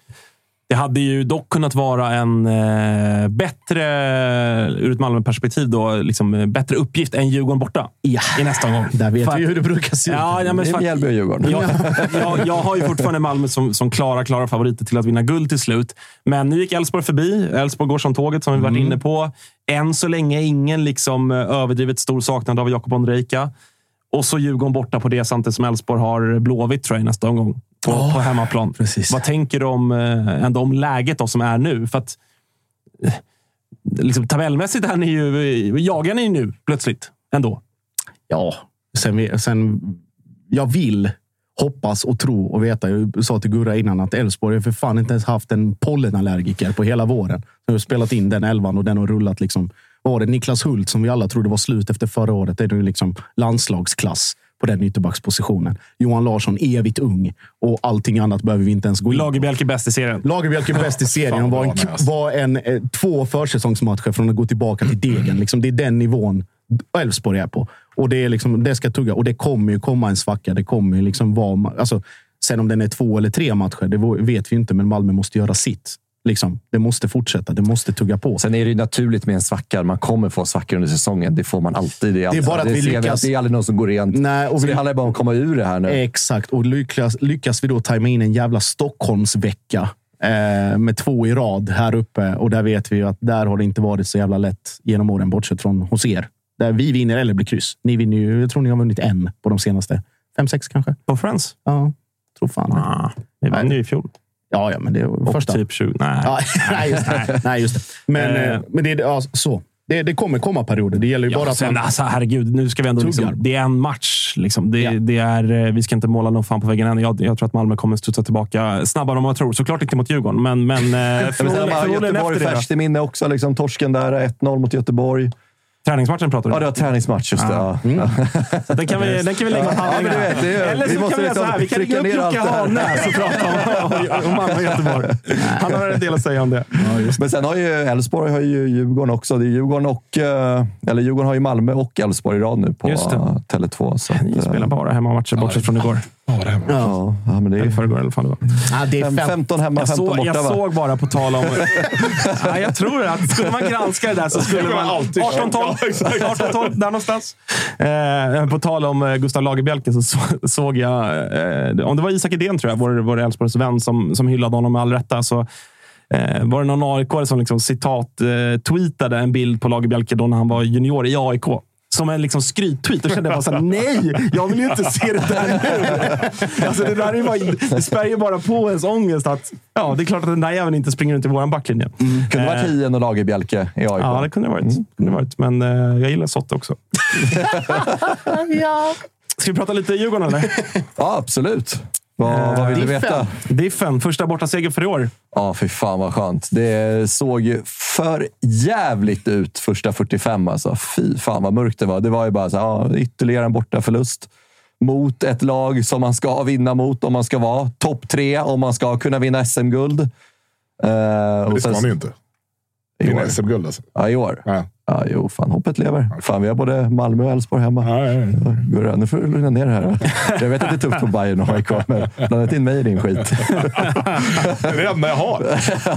Nej, men så här, det, det ska vi komma ihåg, det är ingen lätt bortamatch. Alltså, inga bortamatcher är lätta i allsvenskan, men så här, man ska vinna mot Varberg borta, Värnamo borta, de där Degerfors. Eh, och det har vi inte lyckats med i år alls. Eh, så att, eh, det var ju otroligt skönt att vi kunde vända på den här steken i, i halvtid. Och jag tycker inte att eh, Värnamo heller utnyttjade att vi var så pass dåliga. Jag tycker att Värnamos mål, det är ju alldeles för mycket Sankt Erikscupen på Djurgården. Där. Det är ju liksom, fan är det? Pass från försvarare till mittfält till anfallare. Det är två passningar så är Gustav Engvall helt fri. Eh, Som man så- visste att han skulle göra mål. Klart det är Gustav Engvall. Så här, så här, man, två saker visste man, eller tre saker visste man kopplat till den här matchen. Ja, berätta Ett, de här tre sakerna. Att- Och, av en slump så hände alla tre också. Ah, helt sjukt. Gustav Engvall skulle göra mål. Ja. Check. Check. Djurgården skulle göra mål på straff. Ja, Check. 100%. Check. Och Freddy Solegas i studion. Alla tre. Visste du det innan? Alltså, jag hade redan fyllt i körschemat. Nej, men eh, och jag, jag tycker inte att Värnamo ut, alltså, så här, utnyttjar att vi är så pass svaga som vi är. Jag tycker att Värnamo, om de hade bara varit lite mer spetsiga så hade de kunnat göra några fler mål i, i första. För så pass dåliga var vi. Så pass Vad var det som inte funkar då? Osynkade var vi. Nej, men det var ju ingenting. Så här, Sabovic, Schüller-samarbetet funkar inte alls. Eh, lite för lika i, i spelet. Och har ju haft problem tidigare också tillsammans. Det tyckte jag syntes också. Eh, och det är ju inte liksom till, till fördel för Lukas Bergvall heller på det centrala mittfältet. Eh, man kanske behöver en Mange Eriksson bredvid sig, eh, inte två spelare som eh, inte alls synkar som Sabovic och Schüller inte alls gjorde mot, eh, mot Värnamo nu. Eh, och sen framåt eh, händer ju ingenting. Vi har några halv, halvdana lägen, men det är ingenting farligt alls. Och sen så, ja, men Lövgren som var hyllat ganska mycket kommer ju snett på på situationen med Engvall där jag tror att han känner att han har Danielsson mycket längre ner i planen och det ser man ju också för Lövgren Han pekar ju, ja. Eh, och sen inser han, och han stannar ju också upp i löpningen i någon hundradel, vilket gör att han tappar också ganska mycket avstånd till Engvall. Hade han bara fortsatt löpa där så hade det kunnat bli ett helt annat eh, utgång på det där läget. Eh, så att det var bara dålig synk och det känns som att, eh, jag vet inte, de eh, de är bara inte påkopplade alls. Och det är chockerande att se. Liksom, för så bra som vi är hemma visar vi oss inte alls vara lika bra på, på bortaplan. Och det är någorlunda samma elvor vi ställer upp med. Visst, vi roterar lite på Azor och Wikheim och Radetinac. Uh, Oliver Berg som uh, nia fortsätter vi Experimentet tro på. Oliver Berg som striker. Ja, pratar Lewicki här på centrala mittfältet så pratar vi Oliver Berg som, uh, som nia och där sker det ju förändringar sen i, i andra halvlek. Det är väl Lukas Bergvall som får gå ut uh, till förmån för uh, Falenius och då kan ju också Oliver Berg komma ner på mittfältet. Och han blir ju en helt annan spelare då när han liksom får ta med sig bollen framåt, fördela bollen till kanterna. Han blir mycket mer involverad. Eh, så man längtar ju efter Gurbanli-samarbetet med, med Oliver Berg. Det ser jag fram emot extremt mycket. Men det är också på bekostnad av Lukas Bergvall. Kanske kommer få inte starta lika mycket matcher. Eh, Tror inte det. Ja, men, här, vem, om, om Oliver Berg ska ner på det centrala mittfältet, då är det ju Ber. Bergvall, Berg och uh, Schüller. Ja, sen har vi Findell, har ju inte lämnat än. Det snackas ju lite om Nantes för honom, eh, så att, eh, det lär ju ske i sommar såklart. Eh, sen kommer Mange in och, och, och gör det bra. Eh, och det blir ju också så här stöka till det. Alltså, men, vi får ingen kontinuitet i liksom, det centrala mittfältet. Det, det så här, hoppar runt en så jävla mycket olika spelare. Sabovic, Schüller och Findell var borta nu så han kunde inte spela. Men eh, nej, det laboreras väldigt mycket. Men nej, men jag tycker vi, vi gör eh, rätt ändringar eh, till andra och det tycker jag vi tar tag i matchen på ett helt annat sätt. Sen kommer vi inte till så här, supermycket lägen heller, utan vi, vi får ju ja, fast situation, hörna. Uh, fan är det som gör målet? Schüller. Ja, Schüller, just det. Patenterat högerskott. Ja. Lilla studsen på Värnamo-spelaren. Hans enda mål i karriären höger. Nej, det, det, det, det är faktiskt ändå en, en grej jag reagerade på också. Att även om jag, jag håller med dig om att ni rycker upp rejält i andra och, och, och gör en bra andra halvlek så är det ändå... Alltså, kollar man lägena, det är... Visst, Asoro har ju en jättenick där, det som sen blir straffen va, i situationen Exakt. innan. Men i övrigt så är det inte så mycket lägen. Vi, det blir lite liksom, eh, upprepad skiva, men, men från trion, bortsett från när Oliver Berg får skjuta från 11 meter, det är, liksom, det är inte det självklara som man såg i fjol. Nej, det, och det är avsaknad av den här nian. Edvardsen förra året gjorde det jättebra som nia, även lite på kanten. Asoro kunde komma in centralt. Eh, gjorde det också ganska bra, men eh, jag ser jättemycket fram emot eh, Gurbanli och det man har hört är att det ska vara en bra spelare. Eh, sen så vet vi alla att det är inte bara att hoppa in i allsvenskan och, och, och leverera såklart, men där har vi våran givna nia och då betyder det att Oliver Berg kommer hoppa ner ett snäpp i planen och jag tror att det kommer bli mycket bättre dynamik i det här laget med den spelaren på plats. För att Oliver Berg som nia är ingen nöjd med. Jag tror inte han heller är nöjd med. För han, ja, men han har inte speeden, kommer inte till ytorna eller till, till eh, så djupledslöpningarna, utan han hämtar gärna boll istället för att vara där för den där spetsen som han ska vara där framme. Så att, eh, nej, det ska bli kul att se framåt. Och sen så var vi ju ruggigt effektiva mot Värnamo. Vi får ju ja, typ tre, fyra chanser och göra två mål. Men det är också ett stort problem. Det är på fasta situationer. Eh, Jag såg någon statistik att vi har gjort 10 spelmål i år. Sen har vi kommit 13 på fasta situationer. Hörna, frispark, straff. Eh, Och där är vi nog eh, en, i botten i allsvenskan om man ser liksom antalet spelmål som man gör kontra liksom totalt antalet mål.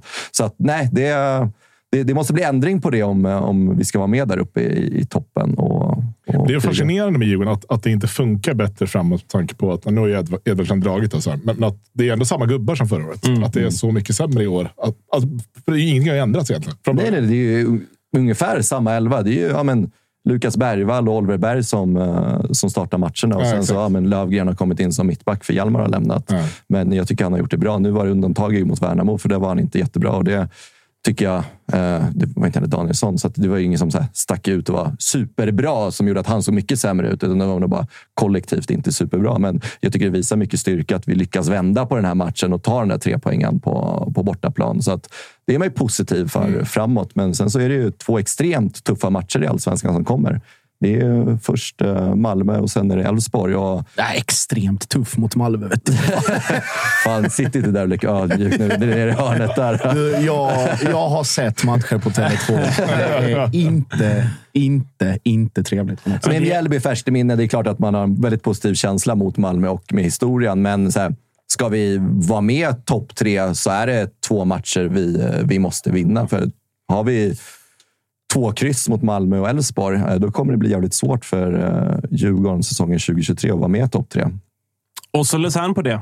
Ja, Så det är och också hemmaplan till att börja med. Eh, Men det är ändå en jävla intressant period. Ja. Spelschemat, det är de tre nu. Sen är det fem raka bortamatcher. Spelschemat kämpar på. Ja. Ja, Djurgården spelar bara hemma, va? ja, men det, Vad sa ni precis? nu. Uppenbarligen, så att vi hade ändå rätt. Liksom. Ja, men det blir ni grabbar. Fan, när man spelar i Europa, då måste SVFF liksom ändra lite i, i eh, spelschemat. Ja. Så att, nej, men det, det är klart att uh, den här tre poängen på bortaplan betyder mycket inför den liksom, kommande perioden med mycket bortamatcher. Men såklart, nu har vi Luzern hemma och sen har vi två tuffa matcher mot eh, Malmö och Elfsborg som kommer vara ganska säsongsavgörande för vart Djurgården kommer placera sig i den allsvenska tabellen. Det är jag rätt säker på, för jag har svårt att se att Häcken, Elfsborg och Malmö kommer börja tappa jättemycket poäng eh, framåt höstkanten. Så det här är matcher som vi måste vinna. Ja, jag, jag håller med. Jag, det går ju att liksom tro, Tapper har väl varit inne på det framförallt ganska mycket, sådär att Häcken kommer börja tappa. Men alltså, visst, nu är det mot AIK som ändå är tredje sist i tabellen, så det, kanske, det går väl att argumentera för att det är en ganska enkel match egentligen. Men jag menar, ett Häcken som... Det, är Tobias Sana från start.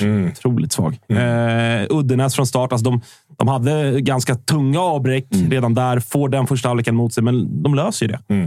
Alltså jag, jag, jag, jag tycker att om det var Samuel eller om det var Simon Gustafsson inne på det efter, att när vi väl spelar vårt spel, då är vi bäst i serien.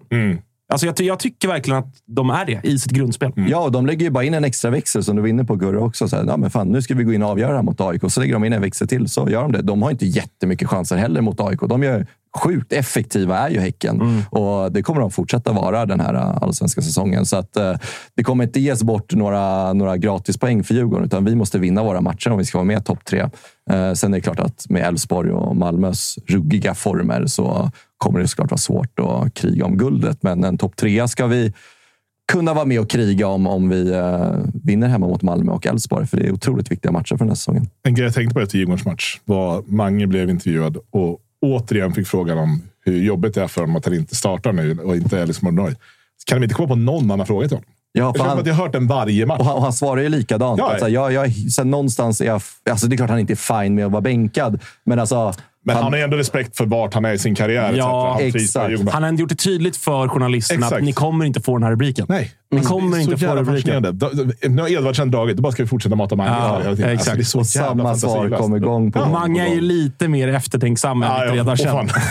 det, det får man ändå tillstå. Ja, men det var väl inga supergrodor som kom ut ur Edvardsen under hans år, år i Djurgården? det eller? fanns ett par ändå. Liksom, man kunde, man kunde Nej, ta. men så här, och så här, det, det blir man ju så glad att höra av Mange också. Vilken jävla ambassadör han är för Djurgården. Han och Haris är de stora ambassadörerna för Djurgården när det kommer nya spelare in till omklädningsrummet.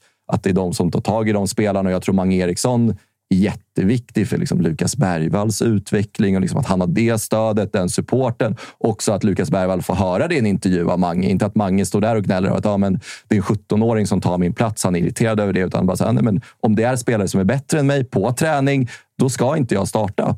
Fine. Så att, eh, det blir man ju väldigt nöjd över att han inte heller vill skapa de där rubrikerna. Och han har inte varit den typen av spelare heller. Men det visar ju också hur mycket han brinner för den här eh, föreningen. Så att det blir man också otroligt glad över att höra av honom. Att han är den ambassadören och verkligen tar det här någonstans med ro och förstår, som Gurra är inne på, att så här, ja, men jag förstår vart jag är kommer ju också vart jag- få sina minuter nu när eh, kvalet drar igång också. Absolut, absolut. Och så här, det är så här, fan, när Mange är som bäst, är en otroligt bra spelare och så kommer göra nytta för Djurgården. Det handlar bara om att han inte har kommit dit. Det var inte den Eh. meningen att jag skulle bolla upp för att du skulle få hylla Mange här i framtiden. Det var sågade skräp. Bara så hade jag sagt. Eh, Josef, du vill in med någonting här. Ja, jag sitter här och eh, kika lite. Det är ju en brutal ångestmatch eh, ikväll på eh, Gamla Ullevi. Berätta mer! Ja, ja, det är alltså kanske seriens sämsta lag, IFK Göteborg, till min stora glädje, som ska möta seriens överlägset sämsta lag på alla parametrar, det vill säga Varberg. Och de här ska drabba ihop på Gamla Ullevi senare ikväll. Eh, enligt eh, mycket initierade uppgifter så är Jocke just nu helt eh, bortbärsad. Aha, det. Eh, och eh, det är tydligen på, trä- på Trädgården idag. Eh, Då har de någon sån officiell uppladdning, så att det kan bli otroligt stökiga scener eh, framåt eh, avspark. Men den som vill, den som vill kika in, ni vet ju att vi gör Tutto-trippen eh, tillsammans med ATG. Eh, Det var ju såklart eh, älskade Malmö FF som valde att eh, ställa upp med en egen liten konstellation där och sumpa alla chanser till utdelning den här veckan. Ny trippel kommer som vanligt på fredag i samarbete med Marcus Tapper som ändå går plus den här säsongen. absolut. Och vill man kika in där och kolla redan ikväll om man vill lägga någonting så har jag faktiskt ett, ett lite tips på att eller lite kombo här faktiskt på ATG. Jag ska ta upp den här. IFK Göteborg vinner och båda lagen gör mål. Eh, och Gustav Norlin blir målskytt. Eh, ska se här vad det blir. Det blir väl runt en eh, 6,50 sju gånger pengarna. Så det kan bli... 2-1 Blåvitt. Ja, och Norlin målskytt. Norlin målskytt. Det är väl inte, inte alls orimligt. Jag tror, jag, jag tror eh, att eh, Blåvitt tar hem det idag. För jag att så, så dåliga som Varberg är kan inte ens Blåvitt sumpa. Och sist de mötte ett riktigt dassgäng var ju Degerfors och då blev det 6-0. Så att Äh, 2-1 idag, det får väl duga för Jocke och, och resten av ligan där nere. Ja, ja, jag tror att det tyvärr kan, kan bli något Ja. sånt. Men då gäller det att man är 18 år. Precis, och eh, har man problem med spel så går man in och kikar på stödlinjen.se. Så är det. Och eh, dessutom också Peking-Halmstad ikväll. Och eh, allt från Allsvenskan ser man ju via Discovery Plus på sitt simor abonnemang Gå in och teckna det så missar ni ingenting där. Dessutom alla sommarens eh, härliga serier. Hörde att Svanen har eh, gottat ner sig i morden i Helsingör. Kanske ska ha någon liten kulturkvart sådär i varje Toto-svenskan-avsnitt. Det är- Jag kommer med lite tips sådär om härliga Bara bästa danska serien. Ja, vem, vem som helst får, får hålla i den kulturkvarten, utom Kristoffer Svanberg. där är han svag. Där är han Sanslöst svag. Sans- Fan vad mörkt att sitta nere i Sicilien och kolla på morden i Helsingör. Längtar sig tillbaka till Skandinavien. Det har någonting, tycker jag. Eh, vi ska avsluta med lite Bayern. Trevligt. Ja, det är seger i sexpoängsmatchen får man väl ändå säga att det var på, på förhand mot, eh, borta mot Sirius. Eh, lite andrum neråt, sa du innan här. Är det, det är känslan. det är ju lite annorlunda. Det var väl liksom någonstans en, en definierande match eh, huruvida vi verkligen skulle riskera att bli indragna i en bottenstrid eller inte. Eh, och nu lyckades vi reda ut det och faktiskt skapa lite luft neråt eh, och även visa att vi faktiskt kunde spela fotboll för första gången i år på, på, på riktigt bra nivå stundtals. Eh, så det var, det var jävligt skönt. Det var framförallt det var, det var väldigt kul. Det noterade jag Axén väldigt tidigt. Just hur vi slog eh, crossbollar och spelvändningar väldigt, väldigt tidigt. Det var första matchen i år på riktigt som jag sa att vi hade en idé med vad vi skulle göra. Eh, och bara det gjorde att man, liksom, man mös ju i, i de, de sekvenserna åtminstone. Eh, sen är det fortfarande, liksom, man, man tittar på hela insatsen, så är ju inte den helt godkänd om man ska vara helt ärlig. Det var ganska många som var lite besvikna igår ändå. Eh, men jag, jag känner att i det här läget som vi har hamnat i så måste man bara kunna fokusera på de perioderna som är bra. Vi kommer hamna i skitsituationer där vi släpper in mål. Det gör vi i princip varje match. Vi kommer starva till det för oss. Vi gör vad är det, 20 jättebra minuter först och sen så står de med en inspark som plötsligt blir friläge och vi rensar på egen mållinje. Och det är liksom det, det, det är Bayern. Det är, det är så vi ser ut i år eh, och det måste vi bara acceptera. Eh, men flera väldigt, väldigt fina individuella insatser och, och periodiskt en väldigt, väldigt bra kollektiv insats. Eh, Mikkelsen missade ju matchen. Eh, sent, eh, halvsent återbud ändå. Djukanovic från start. Jag, tycker att, jag vet att han är lite vattendelare i, i Bayern led Djukanovic. Väldigt hög högsta nivå, men också väldigt låg lägsta nivå. Jag tycker ju ändå att det är, också med tanke på vad ni har investerat i honom. Jag tycker ändå att han har en så pass liksom, tydlig X-faktor jämfört med Alltså, det har inte jag sett i August Mikkelsen. Än i alla fall. Åtminstone inte ute till vänster. Var Nej. står du i den? Nej, men hu- 100 procent. Alltså, så Djukanovic är en sån pass prestigesatsning också. Någonstans här. Man, man lyckas få en sån talang eh, att ändå välja att komma till allsvenskan och Hammarby. Eh, han hade ju kunnat gå till någon andra liga någonstans i, i Europa. Någonstans, säkert Bara en sån sak hade han kunnat hamna i Serbien, som alla andra Exakt. nerifrån Montenegro. Exakt. De har gjort den satsningen. Han ska ju spela. Alltså, så är det bara. Och han, det är precis som du säger, hans högsta höjd är väldigt, väldigt hög. Och det är lite så att man ser när han skjuter, eller han, vad han skjuter flest avslut i förra omgången. och Så här. Låt han göra det. Alltså, till slut kommer han hitta rätt.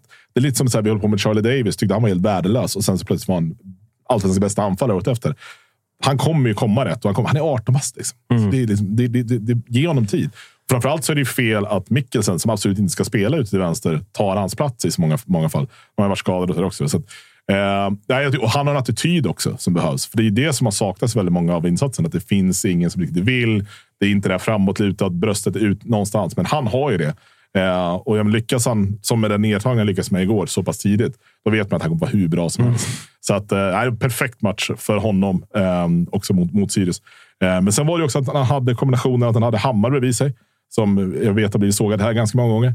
Att han är en begränsad fotbollsspelare och det kan han vara, men fan vilken lojal jävel alltså. Alltså nu var det verkligen så här, du ska springa framåt hela tiden. Du ska ner i djup, ner i djup, ner i djup. Och då funkade det. För det fanns ju någon Djukanovic kunde hitta och passa. Men inte alls var det någon som bara drog med sig en back och Djukanovic kunde skära in. Så det var flera sådana grejer som man såg som, som var positiva igår jämfört med allt annat vi har sett hittills.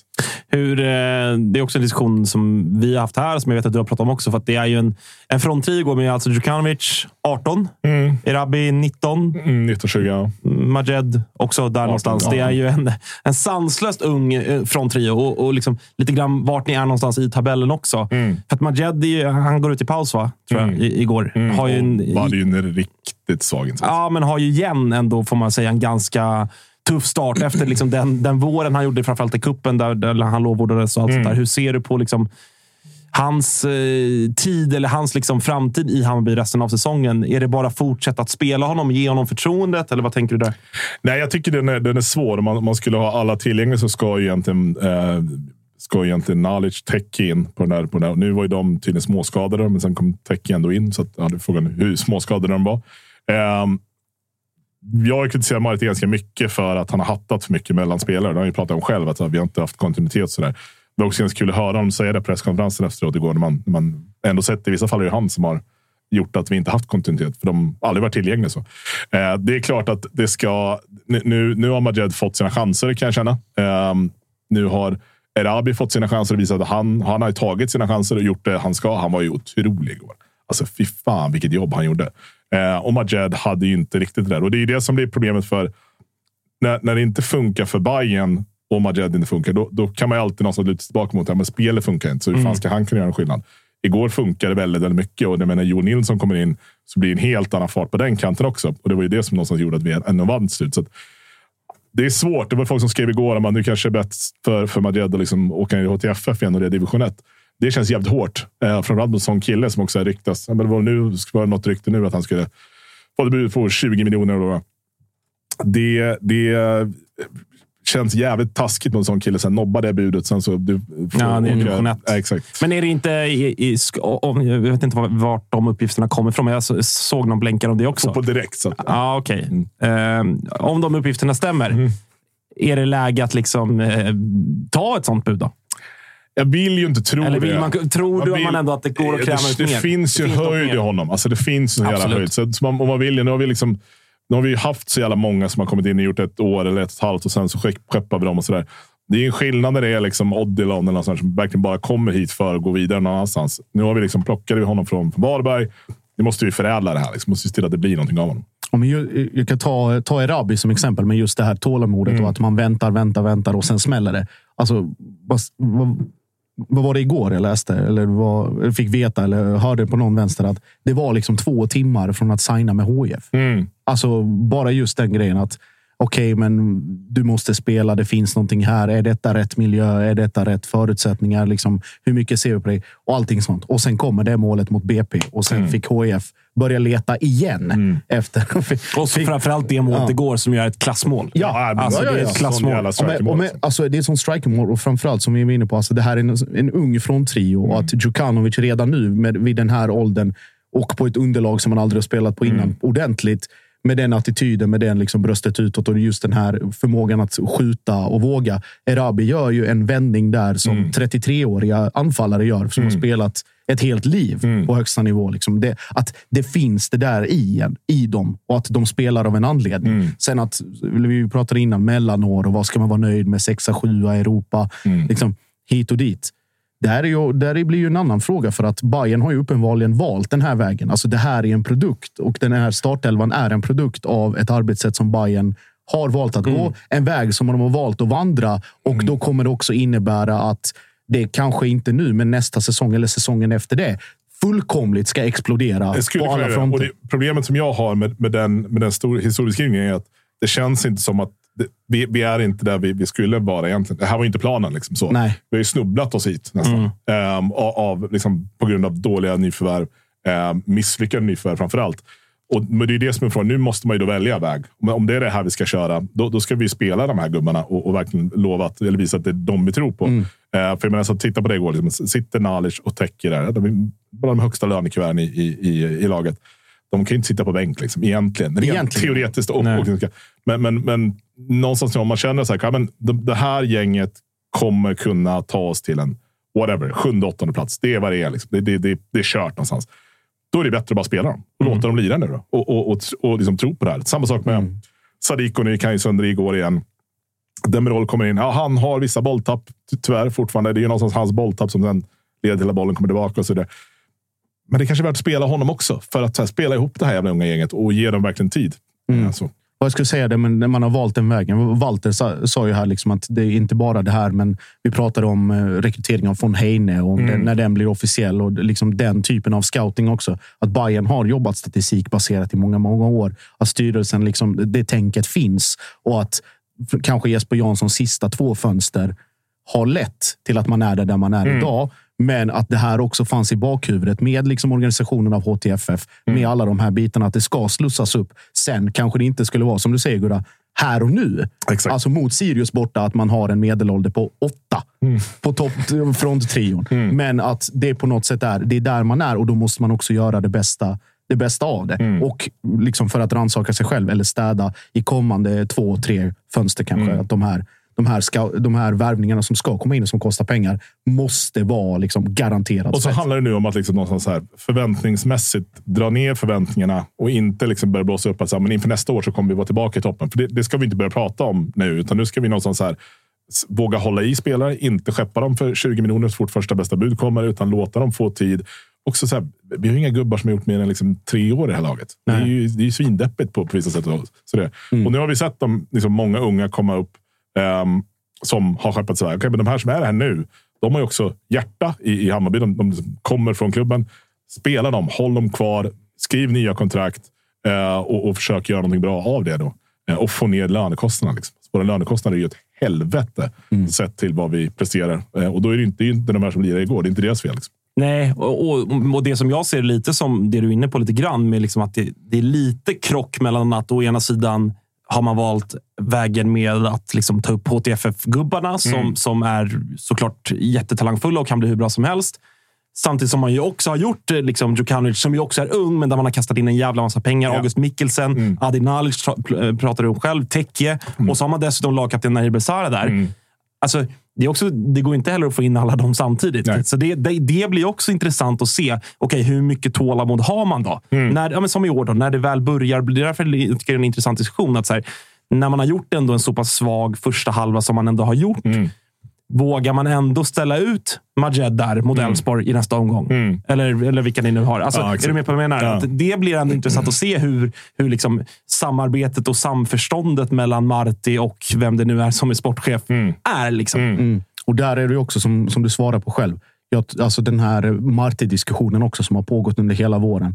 Man, man ser någonstans, man, kan, man skulle liksom inte dra den slutsatsen fullkomligt, men man ser på vissa spelares kroppsspråk och på inställning och eh, hur de tar till sig taktiska... Alltså det, det är inte hundra. Det är inte helt friktionsfritt mellan vissa delar av truppen. Alltså, det är aldrig friktionsfritt, men det är liksom öppet skav mellan vissa, vissa spelare och vissa egenskaper och det Marti vill ha in. Samtidigt så har han ju det han har.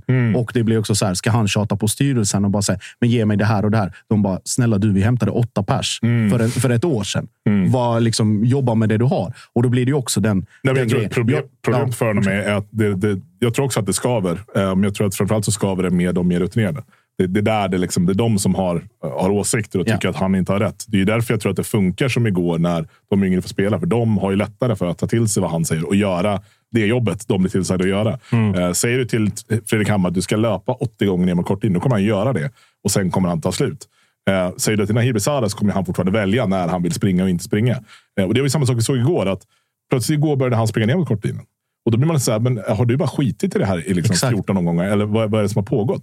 Eh, och det var det som, som var så fascinerande igår. Att det såg en linje. Sen, så här, vi möter Sirius. Vi möter inte Elfsborg. Vi möter Sirius. Ehm, så vad är det värt? Det får vi se nu ett par matcher. Men det, det, vi, vi har ju de här tre matcherna nu eh, när vi har eh, Kalmar och BP som vi också ska slå i de, om vi är på, på topp och liksom gör det vi ska. Och klarar vi det, då är vi på en helt annan plats i, i, i säsongen. Vi är fortfarande en, en stor besvikelse, men vi kan göra någonting bra av det genom att ge de här killarna chansen att spela in sig. Och sen är det Twente away. Ja, men alltså, ja, det, var, det var min nästa fråga. Och så har- ska vi ha ett dubbelmöte mot Twente där. Ja. Utifrån vart den allsvenska säsongen ändå är. Hur ser du på... Och det är ju en tuff lottning och allt det där. Det, det, det vet ju alla, men det är inte omöjligt utan att ha liksom stenkoll på Twente. Så, men, men hur, hur liksom tänker du kring prioriteringsordningen där? Är det, liksom, är det Kalmar ni har precis innan, tror jag? Ja, vi har Kalmar på söndag. Ah, okej. Sen hinner vi BP innan, va? Ja, så, kan, ja, så är det nog. Då. Eh, Men liksom, tycker du att det är eh, läge för en, en rotation eller låta Täcke då, som kanske har någon liten skavank vila även där? Eller hur, hur ser du på... Liksom... Nej, men alltså, jag, jag, jag hävdar att det finns, liksom, det, fin, det finns tillräckligt med matcher för att alla ska få speltid. Eh, och, och jag tror inte att, att de här... Alltså, Erabi kommer inte kunna vara lika bra som han var igår i nästa match. Anton Kralj kommer definitivt inte kunna vara lika bra som han var Han var en igår. positiv överraskning. Otroligt fin. Jävla, Vilken jävla revansch för den snubben ändå. Liksom så. Eh, jävligt, jävligt kul. Men kul var att ha en vänsterfotad vänsterback. Det var uppiggande. Eh, som också är ytterback. Men eh, nej, så jag, jag, jag tycker att det finns tillräckligt många matcher för att alla ska kunna spela. Sen gäller det för de här eh, erfarna eh, gubbarna som, som Nalic och Teki att faktiskt fan, visa någonting nu. Eh, för det, vi har ju inte sett någonting egentligen. Teki var bra i liksom, en match i cupen och Mm. en försäsongsmatch. Och han liksom, Darjan var ingenting och vi, vi klarade oss utan honom. sen. Så Eh, och sen så tror jag att igår kändes det som att vi faktiskt hade en tydligare någonstans 4-1, 4-1 uppställning där vi vågade trycka ner Sirius. Fine, det fanns ytor bakom, inspark över, friläge. Det ska vi kunna hantera och sker det en gång på match, två match, det, det är fine. Eh, så det handlar mer om att sätta formationen, se till att det är så vi spelar, hålla en jävla tydlighet. Och är det någon som läser sönder det? Ja, det kommer ske. Men om vi ska vara så pass bra på det vi gör så ska det egentligen inte spela någon roll vem som spelar. Och den, då är det upp till Nalic, eh, Teki, Besara, eh, alla de här att, att faktiskt visa att de, de ska ha en plats. Mikkelsen är ju alltså det är ett sånt jävla mysterium någonstans, för vi har ju fortfarande inte sett hur bra han är. Eh, Nej, vad fan. vad- Det, där känner man lite som med Oliver Berg i, i, i, i Djurgården, även om där finns inte, det kanske inte riktigt är en ersättare. Men jag menar, man har Djukanovic att spela ute till vänster. Mm. Varför trycker man inte in Mikkelsen på en fri roll? men alltså, offensivt? är det för Mikkelsen- att man tycker att det blir för framåtlutat med han och Nahir? Ja, det, måste, ja, det måste ju vara något sånt. Och att liksom, Hammar gör ett, ett helt annat jobb. Som, jag menar, Mikkelsen borde ju kunna spela med Djukanovic. Alltså Mikkelsen borde kunna spela där Hammar spelade igår, egentligen, Mm. man ska, man ska vara helt ärlig. Eh, men det är väl uppenbarligen att man tycker att det blir för framåtlutat. Och sen kan man ju tycka att så här, ja, men vi kanske släpper in för mycket mål, så vi har inte råd att spela sådana lyxlirare liksom, enbart. Eh, och det kan man väl ha en poäng i. Sen kan man tycka att Besara, Eh, han blockade väl något skott igår som är liksom, den går ju in om inte han ligger där. Så det, det ska man ge en all cred för. Men han har väl kanske inte tagit det defensiva ansvar som, som man tycker att han borde kunna göra. Eh, men ehm, nej, jag, jag tycker att Mikkelsen måste få spela på rätt position innan vi kan bedöma huruvida han är, är värd de pengarna han har fått eller inte. Mm. Ändå intressant med Nahir. Som man, man känner ju att det inte riktigt har lossnat för honom. Fortfarande poäng. Två ass. Ja. Två ass igår. Ja. Bra för Tappers långtidsspel. Alltså bizarr, sta- bizarr statistik. Och, här, och liksom folk sitter och, och ifrågasätter bara så här, fan, den här förlängningen, var den värde och så vidare. Alltså, det visar hur lite vi egentligen Nej, kan. är absolut ingen vi, vi, aning. vi vet ingenting om det vi pratar om. Men snackas det någonting? Alltså är det fortfarande viruset som påverkar honom? Liksom, Nej, att han liksom ligger lite efter i det fysiska? Ja, exakt. Alltså, jag, tror, jag tror att det fortfarande alltså, det, jag tror att det satt i mycket längre än vad man ville prata om. Um, framförallt spelarna ju med det jävla viruset. Liksom. Det var ju långt efter som det kom ut att han hade haft det. Ehm, jag tror att han har mått väldigt, väldigt bra av den här, det här uppehållet som har varit. Eh, och nu kommer vi kunna få se en bättre Nahir. Eh, sen ska man göra liksom respekt för att det var ingen som trodde han skulle vara så bra som han var förra året. Nej. Eh, och att liksom, automatiskt förvänta att han ska vara bättre än så. Det är ju det är rätt orättvist. Eh, men det är klart man hade hoppats på att han skulle, skulle kunna hålla samma höjd som förra året. Men han kom inte ner. Det var liksom samma sak. Det var ju någon match här tidigare i våras när han blev typ bortpunktad för han kom ner och hämtade boll. Igår kom han inte ner och hämtade boll. Igår är det liksom låret eller, eller Alper. Eller att man låter någon av mittbackarna driva upp den. Och det var det som kändes lite nytt. Som faktiskt vågade göra någonting annat för första gången i år. Så att, Nej, all cred till, eh, till de som lirade och till Marti för att han faktiskt hittade på någonting. Mm. Eh, blandad eh, kompotten då kring Bayern, men eh, lite andrum neråt som du var inne på. Vi får väl se hur eh, tabellen ser ut efter ikväll. Fan att man är där, att man sitter och är liksom dödsnervös inför Blåvitt- Blåvitts Varberg ikväll. Det är eh, speciellt. Nej, det är stor gåshud. Ja, det, det tycker du ja. Ja, ja. Eh, Vad har du för drömresultat i den matchen? Är det 2-1? Eh. Norlinjemål?